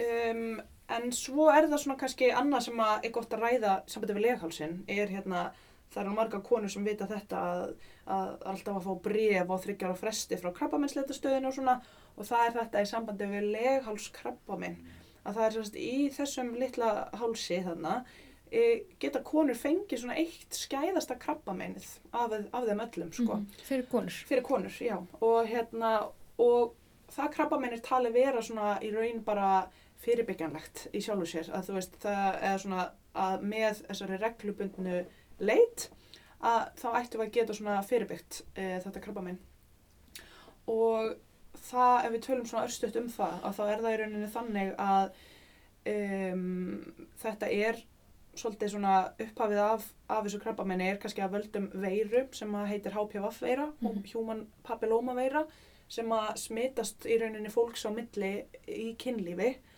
og hérna og svo getur veiran sjálf valdið í rauninni þú veist, Frumubreitingum. frumubreitingum í leghálsi Mm og hérna og svo skimunin er þannig hérna á Íslandi og svona víðast hvar í nágrannlöndum að þá er búið upp á reglubundna skimun frá 23 ára aldri og upp í held í 65 ára, við minni það og hérna þar sem að það er tekið strók innan úr leghálsinum og hérna er- ytra opið í rauninni þar sem hann er að opna sig úr legungunum og inn að að það er tekið svona þá er bara skrapað svona örlítil örlítið frumum frá þeim stað og sendt í eh, rannsókn til Já. yeah. aðtöða hvort að það eru einhver merki um það að það séu frumbreytingar að því að frumbreytingar geta svo þróast yfir í krabba minn. Já, eitt mikilvægt kannski Já. er að þetta er ekki samt þó svo að þetta smitist með kynlífi Akkurat. þá er þetta samt ekki kynnsjúkdómur. Nei, nei, nei. Um, þú getur líka smitast bara með því að snerta í raun og veru, þú veist þetta getur f- verið í nærbuksunum þínum og, Akkurat. Og, og smita í raun og veru slímhúðina eina þarna í kringum. sem er oft bara sagt. partur af flóru sjálf sér eða, eða þannig. Eða, Eða þú veist, svona, ekki allavega flórunni en þú veist, já, þetta er er svona... algengur eh, sem Þetta er sagt. ekki eins og að til dæmis við erum með klamiti og þá þarftu bara að fóra síklarleif og þú veist, þetta er ekki alveg þannig, Nei. þetta er svolítið öðruvísi. Þetta er svolítið öðruvísi sko. Já, Þannig þetta er að- náttúrulega veira þannig að Já. þú færir ekki á síklarlif en já, en það, já, þetta er svona pín flókið útskýr þetta Já, eiginlega. Þetta er í raun og veru veira sem að veldur þessum frumubreitingum og Mhm. þú veist, í raun og veru smitast, eða þú veist, Mhm. með kynlífi, Mhm. til dæmis, kynmögum, Mm. uh, út af því að í raun og veru þegar að bara slímhúðin á tippinu kemur við leghálsin eða, Mhm. eða frumundan ná að fara þarna upp, Mm. þá getur það einmitt farið þangað upp Mhm. og um, yfirleitt nær líkamann að sem sagt losa sig við þessa veiru sjálfur Algjörlega. bara ónæmiskerfi okkar ætti að vera það stert og auðvitað er einhver þætti sem að veiki okkar ónæmiskerfi já, já. en ef við erum með gott ónæmiskerfi þá Já. ætti þessi veira að vera farin úr líkomanum okkar svona í 50% tilfella eftir 6 mánuði Akkurat, uh, flestir í 90% tilfella er þetta farið eftir 2-3 ár akkurat. en, en sko En svo svona útsettur þið náttúrulega fyrir þessu aftur bara ef þú skiptir um bólfélaga eða þú skiptir um félaga sem þú stundar kynlið með. Mhm. Þannig að þú veist, er, smokkur er vörn með þessu einhver leiti, að, hérna er það ekki? einhver leiti, Ekki ekki, öllu ekki, leyti. 100% Nei, en það er svona kannski því oftar sem að maður skiptir um hérna, bólfélaga, ef að bólfélaga er eitthvað orð sem maður getur notað yfir þetta, að þá hérna... því oft er það líkaminn að að takast á bara, við já, að hreinsa sig Já. við hérna veiruna eða smitið eða Já. þannig. og það eru til margar tegundir af HPV-verum Já. það er eitthvað 1, Mhm. 2, 3, 4, 5 Já. upp í eitthvað 8 nei, En sko- 15 mennum við En þegar að allavega þetta er svona alveg klassíst að fresta því að fara í þetta strók þarna sem er á krabbamennsleita stöðinni og það eru mjög margir sem fresta og fresta og bara einhvern veginn kvíða þessu og halda þetta að vera vond og vandræðilegt og óþægilegt og svona sem að við erum bara skiljum mjög vel, þetta er, maður er náttúrulega berskjaldæður þarna í þessum stól og, og allt þetta en við allavega svona hvetjum bara allar konur til að sinna kallinu, til að mæta í þessa skoðun það er engin, þú veist, þetta er ekki einhver döðadómur eða þú veist, þú ert ekki að greinast með krabba meina neitt þannig ef þú færð frumbreytingar heldur er þetta bara það að þá er þeir búið að koma aftur, þú veist, eftir hálft ár og aftur eftir hálft ár þar til þetta er búið að bara fa- fara á brott sem það gerir yfirleitt og ef það gerist ekki að þá er hægt að gera eitthvað meira í því Mhm. og þá ertu samt ekkert endilega einhvern veginn að fá okkur krabbamennsgreiningu heldur er þetta bara það að þá getum við gripið inn í áður en þetta Mhm. yrði krabbamenn það getur orðið krabbamenn kannski yfir einhver ár og jafnvel ára tugi en Mhm. við getum bara gripið inn í fyrr Já, já, algjörlega. Uh, Er það ekki? kannski segjum aðeins frá einkennunum af hérna, svona byrjandi legálskrabamenni, Já, ekki? er það ekki svolítið bara svona einhverjar blæðingar, þú veist, óhá tíðablæðingum Jú. og já, blóðleit útferð og kannski verkirir og svona, þú veist, Jú. það er eitthvað sem að maður á ekkert að vera að, að, að hérna leiða hjá með- sér. Já, já. einmitt, maður áfært í læknir, sko. Já, það er bara svolítið þannig. En oft er þetta ekkert kannski æpandi einkenni og, og þú veist, það geta náttúrulega verið margar aðra ástæður fyrir einhverju milliblæðingum og svona, þannig að Mhm.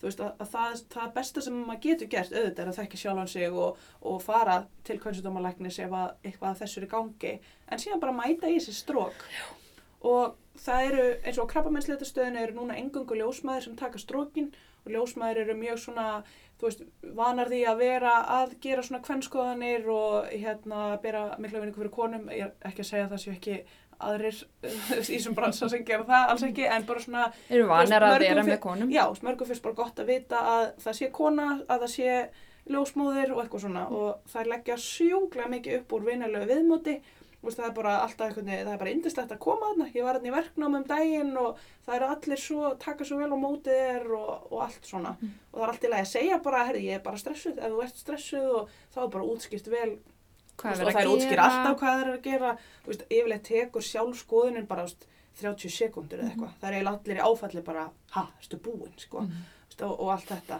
og hérna, þannig að þetta er í rauninni það eru held ég flestir sem að fá alltaf alveg svona vá, þetta var miklu minna málinni held og endilega bara böggist í vinkonum ykkar og sýsturum ykkar og mömmum og öllum bara frængum, þú veist, ertu búin að fara og hvetir fólk til að fara e, þú veist, að þetta er þetta tekur sér þetta stund, þetta kostar nokkur húsum krónur en það er yfirlegt hægt að fá þetta niðurgreitt frá stjættafélagi og svona og núna náttúrulega það er búið að vera í nokkur ára þá er byrjað að bólusetja fyrir þessu þannig að alla stelpur í sjöunda bekk fá hérna, bólusetninguna Uh, þær sem hafa fengið bólusetninguna þurfa samt að mæta í þetta eftirlit og svona Já. að ég veit að í Svíþjóð er verið að fara að byrja að bólusetja stráka líka, kannski Mhm. gerst það hér ég veit það ekki, Þetta er, Mögulega. já, það væri flott Mhm. Þannig að þetta er svona eitthvað sem að er um að gera að vera að, að böggast í öllum í kringu sig, öllum, öllum konum, að mæti þetta. Gífulega mikilvægt. Og annar góð punktur að, ljós, að fólkið á krabbamænsliðastöðinni, það sér ekkert hvenar þú komst síðast, það er enginn að fara að skamma þig þó það sé liðið eitthvað langt, það bara þakka þér allir fyrir að vera komin. Og ef þú ert búin að vera að íta svo undan þér í fimm ár, pantaða bara tíma, þú veist, á morgun. Þetta er, það er allt í lagi, þú veist. Þetta er í hlíðunum, skóarhlíð. Já, og út á landi er þetta, það er misjöft hvernig það er, ofta heilsugjastlum og þá eru yfirleitt líka ljósmaður sem að gera. Þannig að þetta er bara, maður þarf að skella sér. Piece of cake. Erst þú búin að fara, Stefania? Herru, við fórum á samtíma, við erum náttúrulega jafn gamlar. Já, það Er er það ekki? Fórum við ekki á samtíma? Jú, það held ég. Leiðandi inn. Ha? Leiðandi hverjaðar inn. Já, það var áður en ég þekkti þig, þannig að kannski sátum við hlið við hlið á, á byggstofunni algjörlega grunnlausar. Hvernig fór ég? Ef við værim hér að ræða um, Ég fór bara Leghálsstrák. 2018. Fór ég ekki 2018? þá ertu góð í tvö ár Já. til uppbútar. Maður verður að gera þetta. Já, það er satt, það er satt. Um, ok, erum við, eigum við að vinda okkur yfir í útferðina? Já, herðu, ógislega svo áhugavert með leghálsin og þessa útferð, sko. Já. Er að, hérna, sko, þegar að í raun og veru bara rétt áður en það er eglos. Já. Þá, já. Já, þá í raun og veru situr svona þú veist, slímtappi. já. Má ég ekki segja slímtappi? Jú, flestir þekkja slímtappa frá því að vera óléttir og það, los- hann losnar, þú veist, í byrjun fæðingar eða eitthvað. En, En hann er líka þegar við erum ekki óléttar. ég veit það, Bara, bara svona mínu-útgáfa, ekki Pí- jafn umfungsmengil, kannski. já. Þannig að þessi slímtappi losnar Mm. og þetta gerða að verkum að sæða á auðvöldum að komast inn. Þannig að sko, þegar þessi slímtappið þarna, hann, hann losa sér niður, hérna, svolítið fyrir, aðeins fyrir egglósið Mm -hmm. og það er svona það sem að margir þekkja sem þessa eggjakvítu útferð, Já. sem er svona, hún er hvít og hún er alveg rosalega tegjanleg. þú veist, og það er bara, við bara hvetjum alla til þess að bara, bara pröfa þess að tjekka hvað hún er teginleg, Mhm. prófa bara svona tegin á milli fingran á sér, af því að þetta er svona, var þetta kítið þarna, þetta, þessi, þessi slimtappi, og svo einhverju síðar kemur reglósið og þá er í rauninni í þessum göngum er bara vögvi sem að, emitt, þannig að sæðið getur synd upp. Mm. Mhm. Algjörlega. Núna er margir örugglega eitthvað svona, oi, eitthvað að taka þetta, hérna, taka taka svo útferð og flettana millir fingrana en ég menna, þú Þetta veist, er ekki svona ógislegt. nei, badni er hann inni þetta er allt svo ofbaslega hreint og feint sko. Já, algjörlega. Og ég með talandi um oi, þú veist að þá er það útferðin. Er eitthvað svona sem að hefur verið mjög svona, mm, það er ekki mikið tala um hana og hún er bara þykir einhvern veginn hún Mjö... þykir óhreinlátt óhrein, óspennandi, ógeðsleg mm og einhver lykt, eitthvað, di, di, di. óeðlilega jafnvel, ótrúlegt en satt Eh? Við erum hér mættar til að segja ykkur að útferðin er, er vinkona okkar. mm Hún er, á- hún er með okkur á, í liði, sko. það er ekkert ó við hana En Bara ef það væri ekki útferð, þá væri vesen og vandamál. já, það er alveg rétt Sko, útferð er í rauninni eitthvað sem að um, smyr svolítið legungin, veitir þeim raka, þannig að þú veist, ef það væri, þetta er bara svolítið eins og við værim ekki með munnvatn í munnunum á okkur, Þú veist, það er alveg fólk sem er ekki með munnvatn af einhverjum ástæðum og þarf bara að taka munnvastöflur af því þetta er svo pyrrandi, eða skilji, og þú veist, oft eins og eftir tíðakvörfa þá geta konur upplega rosalega þurrk í legungunum og eru bara, þú veist, með einhver stíla og eitthvað við því, sko, mm Mhm. þetta er bara, þú veist, við mandar útferðina slímhúðin, ef hún er alveg þurr þá er hún bara útsettari fyrir sárum og sýkingum og bara þurrki og óþættum Mhm. sko. þannig að við viljum hafa hana mm -hmm. hún er líka, er hún ekki bara svona einhver sjálf innbyggður stýribúnaður, hérna hreinsibúnaður jú, jú, jú, algjörlega mm bara, þú veist, reynsa burt hérna, sýkingarnar og, eða bakteríunar sem að Já. mögulega hefði getið orðað einhverjum sýkingum emitt, gerir okkur reyna og fína innan algjörlega sko fyrir utan það, þá er þetta ákveð svona hérna, vald hérna, að þekkja útferðinu sína já, Þú veist, eins og vorum að segja með hérna, þessa ekkjakvítu útferð aha, Þú veist, bara þá veit maður að eglós er handan hótni já, þá getur maður einmitt annarkort reynd að hoppa á hérna, frjókunarbrautina eða hoppa það minni eða að hoppa af henni, Já. akkurat í rauninni það þekkja tíðringi sinn og allt sem því, öll, öll kjúin og öll svona merkin sem því fylgir, það, það er bara þitt besta vald, bæði ef þú, ef þið, ef þú ert að reyna að hindra þungun og ef þið langar að verða þunguð, Mhm. þannig að það er svona og útferð er klálega eitthvað til að lesa í hvað er algjörlega, í gangi og líka bara ef þú þekkir þín einn útferð og hvern, hvern hún breytist og hvern hún er vanalega þá er miklu auðvitað að spotta þegar eitthvað er að og uh, leita sér hérna, ráða og hjálpar mm -hmm. til Já. því, það getur þá verið eins og sveppasýking akkurat, uh, kynsjúdómar og um, svona, já, einmitt og einhvers vöxtur konar af einhvers sýkingar konar í, bakteríum. já, Sko, leggöngin eru í rauninni súr. Það, ef við tölum um svona pH-gildi þá eru þau með lágt pH-stig. já, við ætlum að, við ætlum að enda í legugöngunum, það ekki? Jú, við erum í rauninni bara að enda þetta hérna á, á þessu sko. Já, við byrjum á legugöngunum, hérna, nei, við endum á legugöngunum í Síðast, síðast og núna ætlum við að enda við lókum hringnum Mm -hmm, í okkar bestu vakinu. mhm, Já. Uh, einmitt, hún, hún er svolítið, hún er súr og það er af því að bakterjur þrýfast verð í súru umhverfi. Þú veist, við værum bara mikið ofta með sýkingar og eitthvað ef við værum, ef, ef leggöngin væru ekki súr. mhm. þannig að það er ástæðan fyrir því að það er bara af heilbriðum kynfærum er bara svona, einmitt, það er væglikt þú veist, og bara svona Sko, ef Þú að veist. eftir því sem að kynfærin eru súrar, eða Mm. sko, kvenna, kynfæri Já. kvenna já, eru já, ég er súrari, að tala um það já, því minni lykt er af þeim. í sjálfu sér, Já. algjörlega en hérna, en þetta er eitthvað svona sem að, já, þú veist og í kynfærum, í legungunum eru svona, þetta eru svona þessi lactobacillus gerlar sem að eru okkur eðlilega og jákvæða flóra og þetta er svona, þú veist, við þekkjum þessa gerlar sko bara úr abjamjólk og LGG plus og acetofilus og þú veist, þetta er svona jákvæð bakterjuflóra sem að við viljum hafa þarna í legungunum Mm.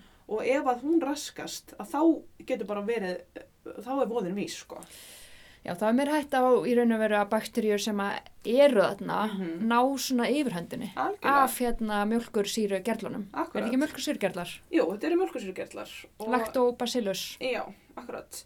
Og ef við, ef við sko, sko, útferð, eðlileg útferð, bara hjá heilbriðari konu sem er ekki með vandamál, það er hálf til einn teskið á dag, vissur það? Nei. Nei.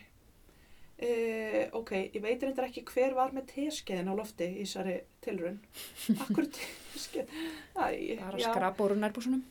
Já, ég ætla að tekja það á sig. Vonum að við komandi að fengið vel borga fyrir það. En við erum hér til að segja ykkur að útverðið er ekkert ógislega, þannig að þetta var nú svo sem ekkert ógislega. Þarna var ég það að sögur sjálf og mig. Já. En já, hún er svona, hvað er eðlileg útferð? Hún er glær, hvítleit, er það ekki? Mm -hmm. Lyktalös mögulega, svona, að mestu Væg viti. til lyktarlaus. Já. getur verið mis, a- þú veist, þykk, það getur verið ólík áferð eftir Mhm. mm. þýðringjum eins og við sögðum. Mhm. Þessi ekki hvítu teigjanlega útferð, Mhm. hún er eðlilega þarna rétt fyrir egglós. Já. Það er, Þunnfljótandi. á egglósi kemur svona svona mjólkur uh, þunnfljótandi útferð, allt saman eðlilegt. Mhm.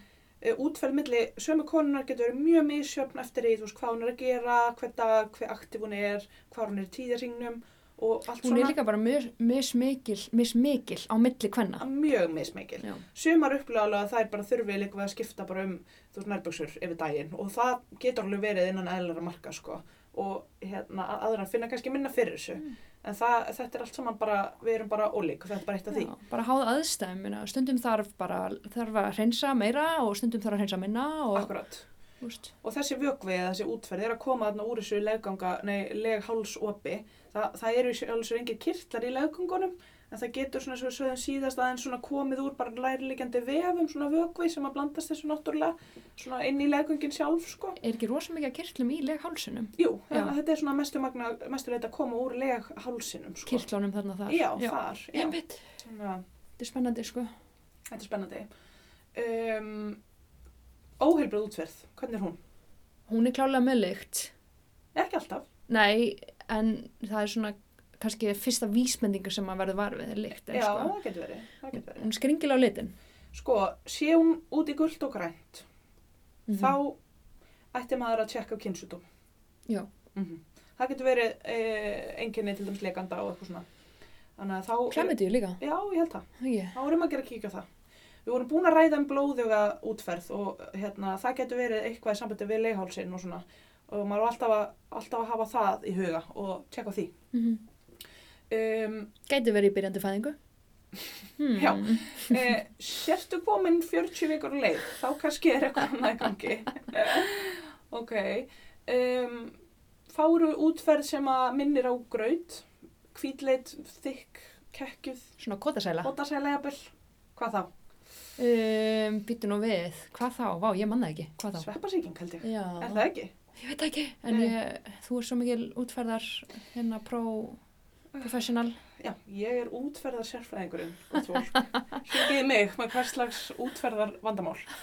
Eh, Þannig að það getur verið svona, sko, og það er eitt svona dæmi sem að flestir kannast nú við, er sveppasíking legungum. Og það getur verið, sko, við erum náttúrulega með gersvepp í legungunum, í sjálfsérs. Í, það getur verið partur bara af flórunni, það það getur verið alveg eðlilegt. En svo getur hann eiginlega svona orðið aðeins of dominerandi og gert þar sveppasíkingu. Og meðferðin við því er í rauninni sveppa uh, lif stundum í formi stíla og krems og getur líka verið töflur sem maður tekur inn Mhm.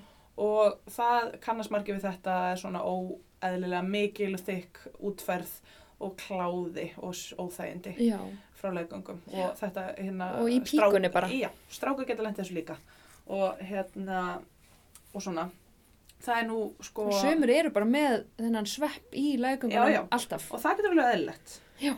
það var nú kona einhver staðar hérna úti heimi sem að bakaði e, brauð Súrdegsbröð, þessum ágæta sveppi sínum það er ekki súrdegsbröð? hún gerði einhvers konar brauðsúr og bakaði úr honum það var allt semst eitthvað einhvers konar dótari úr leggungunum Magnað. var vist þokkalegt á brauðið Já, sá hann ekki pretty damn good. Jú, sem það ekki dýran ekki eftir það. Þannig að áhuga samir geta pröfað og láta okkur vita, hérna, búða okkur í brauð, veistlu, jáfnvel, eða ekki. e, Stefán, ég var skyndilega grænur raman. Ok, e, annað svona sem að e, svipar til sveppsýkingar, en er í rauninni alls ekki sveppsýking, er svona bakterial vaginosis. Já, einmitt, þetta er rosa áhugart. Já, hvað var það aftur? Um, það, eins og vorum að tala um aðan, á einhverjum svona uh, tímapunkti getur sem sagt bakterjur, geta Mhm. bakterjur sem að lifi í lægungunum okkar og eru partur af eðli flórun okkar. mhm, náð yfirhönd já, uh, fram yfir mjölkusýrugerlana já, akkurat. og húst, mjölkusýrugerlanin er náttúrulega súrir Mm -hmm. um, og á meðan bakterjur valda sem sagt um, basískum, basísku umhverfi Já, akkurat. og þarna, þetta súra umhverfi er gott húst, við viljum Við viljum hafa það súrt. við viljum hafa leggöngun okkar súr og fullt af mjölkusýrugerlum og, Já. en um leið og bak, uh, umhverfið í leggöngunum er að basíst Mm þá í raun og veru raskast bara Mhm. allt þið eðlilega Já, og það byrjar að myndast útferð Mhm. meiri og svo svona ein- Óþægindi líka, jafnvel. óþægindi og svona einkennandi lykt Já, á hvað minnir hún? uh, vonda rækjusamlöku fiskitakó Já, einhvers konar uh, súrfiskifíla. já. En sko- Nei, ekki súr fiskifíla. Nei, ok, einhver útinn fiskifíla eða Já. eitthvað. Já. ok, og ef eitthvað svona er í gangi, þá gæti verið bara, þá gæti þurft að meðhandla þetta með í rauninni síklarlegum. Þannig Já. að þú veist, þessi bakterial vaginosis, það er í rauninni eh, bakteríuvandamál sem gæti þurft síklarleif og meðan sveppasíkinga er sveppavandamál sem gæti þurft sveppaleif. Já. Það eru margir sem telja sig mjög svona mikla sérfræðinga um hvað er í gangi og eru ofta meðhandla sig sjálfur með bara svona sveppa meðferð, það er hægt að kaupa hana bara yfir borðið í apotekinu en það er í rauninni ekkert mælt með því að vera þú veist, kannski reglulega sjálfur að taka ákvörðunum þetta því að það var einhver rannsónd sem síndi það að bara konur voru bara í fáum tilfellum sem að þær töldu sig vera um sveppasíkingu voru þær í rauninni með sveppasíkingu var það ekki bara eitthvað þriðjungur sem að var, Jú. hafði rétt fyrir sér Já, og það er ekkert gott að vera alltaf að meðhandla sig með þessu meðferð ef að það er ekki nöðsulegt. Þannig að það, en þú veist, ef þú kannski, já, þannig að það gæti alveg verið bara ástæða til þess að kíkja til læknis ef að þú ert með þessi einkenni og svona, að Mhm. fá bara staðfinnsning á því hvar sker. algjörlega En- Gæti verið einmitt hérna, ekki sveppasíking, gæti Nei. verið allt eitthvað, gæti verið klamidía, Mm -hmm. gæti verið bakterial vaginosis. Já, Hvað En- heitir þetta eitthvað á íslensku? í einhver svona skeiðarsíkling. Já, eða eitthvað svona. já, já, skeiðarsiglun. En sko það sem þú varst að segja með fiskifíluna og þetta, að það er sko, það eru margar konur sem er alveg bara í heilbriðum balans og svona, sem kannast alveg við þessa, þessa lykt og þetta og það, það er sko þannig að í kringum blæðingarnar okkar, fyrir þær og á meðan og svona, þá getur svona hæfni líkamanns að, til þess að, sko því að, þú veist, í rauninni okkar system heldur þessari eh, tendens að þessari lykt svolítið í skefjum almennt, en það, hún mingar aðeins í kringum blæðingar. Já, já, Þannig að það eru marga konur sem kannast alveg aðeins við þetta. Það þýðir ekkert að þú sért þá með þessa óhe- óeðlilegu skeiðarsýklun og allt það. Nei, Þannig að þú bara veist, pínur öskun já, það er svona pínur öskun á þessu. Á sem að jafna sér svo. Já, þannig að það er allt tengt bara þessum tíðarhing og Já. þessu DDD. Þannig að það Nei. er svona alveg sniðt að vita. Einmitt og líka hérna bara að senda kynlíf með, þú veist, köllum. Eh, já, sæðiruninni og blóð. Já, og bara Kraft að umhverfi, ráða. þú veist, kalla er líka, hún veist, hún er ekki, tippi er ekki svona súr. Nei, þau eru í hinn áttina Þau í eru, rauninni. já, þú veist, þannig að þau geta og sæðið sérstaklega já. valdi í raun og veru einmitt þessa, þessa röskun, Já. þessari röskun, þannig að þú Það er upplifir kannski- pínu svona lykt. Eftir þá kannski samfarir og í kringum túr og svona, þá Já. getur þetta verið, já, getur verið sniðut fyrir, fyrir hérna konur svona kortleika pinnlítið, Já. hérna hvort það er tengið eitthvað við þetta og Einmitt. svona. Bara eðlileg, eð, svona, já, eðlileg röskun sem að jafna Mhm. sig. En sko að lokum, ef að er ekki bara jörst þetta máli, svona þú veist, hva- svona hvað, hv- hvernig maður á að hugsa um hérna blessuðu píku sína, Mm. Mhm. er bara þú veist að uh, það á ekki að þvó hana, neitt, kröftulega, þú s- átt aldrei að spóla þig legungina eða neitt, að því þú veist, þarna er bara ákveð sístem sem á bara að hafa kontról yfir þessu Hvorki laggöngin nýja píkuna. Nei, það er bara, það er alveg nóg að fara bara í einhver svona eðlilega styrtu og þú þarft ekkert að vera að spúla þinn þetta neðan eða þannig og þetta er í rauninni á að mörguleiti við líka bara um, um kalla, það bara ofþvottur á kynfarsvæði er ekki góður. Mm. Þá aldrei að nota eðlilega sápur á þetta svæði. Ég hef alveg heyrt um hérna úlingstrákar sem er að runga sér með sápum. Já, Þetta er mælum ekki með því, alls ekki. nei, að það er sko... Eða ekki endil úlingstrákar bara. einhver Já, kallar, sko. einmitt, nei, þeir eru kannski bara opnar með það, hefur þetta ekki. já, hvernig væri að tala meir um sjálfsfrón, hvenna?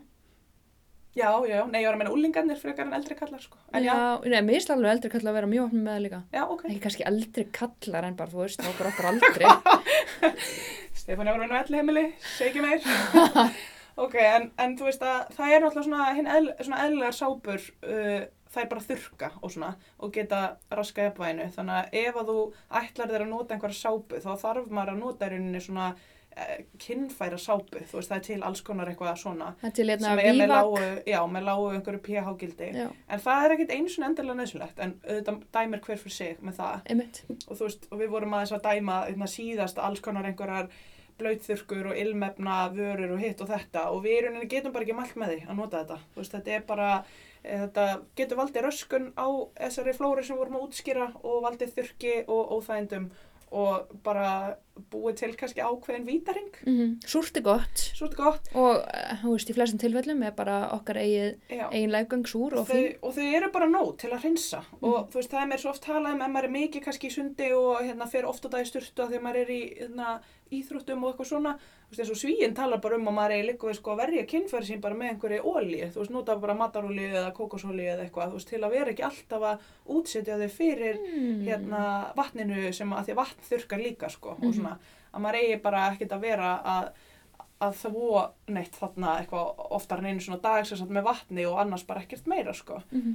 Svo er líka loftun, við mælum með henni að reyna að- að lofta bara um píkuna, vera ekki alltaf í einhverjum nýþröngum buksum þú veist, það mælum með ekki Bómullar. gerf- já, bómullar nærbuksum, ekki gerfefnis nærbuksum og, og svona, þú veist, Mhm. það, það er líka svona ákveðin þáttur í þessu ég hef einmitt heyrt að eft- eftir að var svona rúslega normaliserað að vera bara þú veist með engin hár, engin skapahár að þá er maður kannski að að íta ennþá frekar undir að það verði svona alveg rosaleg raki á svæðinu af því að þú veist það eru hárinn er ekki að veita neitt hérna Mhm. bil á milli bara húðarinnar, þú veist, opnurinnar á leikungunum og þú veist, nærbuksna Mhm. þannig að þú veist að það er þá kannski ennþá mikilvægara að, Einmitt. Það er svona, Að þetta er, lofta. þetta er í raun og vera allt svo fullkomið, þú veist, það, já, það þarf ekki of mikinn raka, en Nei. við viljum samt hafa einhvern raka. akkurat Þú veist, þannig að í raun já, og veru þannig að ef maður er alltaf að loka rosalega raka en inni, þá líka getur það valdið einhverju Já, En er það ekki bara, er það ekki bara einhver, er þetta ekki að fara að verða bara loka orð hjá okkur? heldur betur.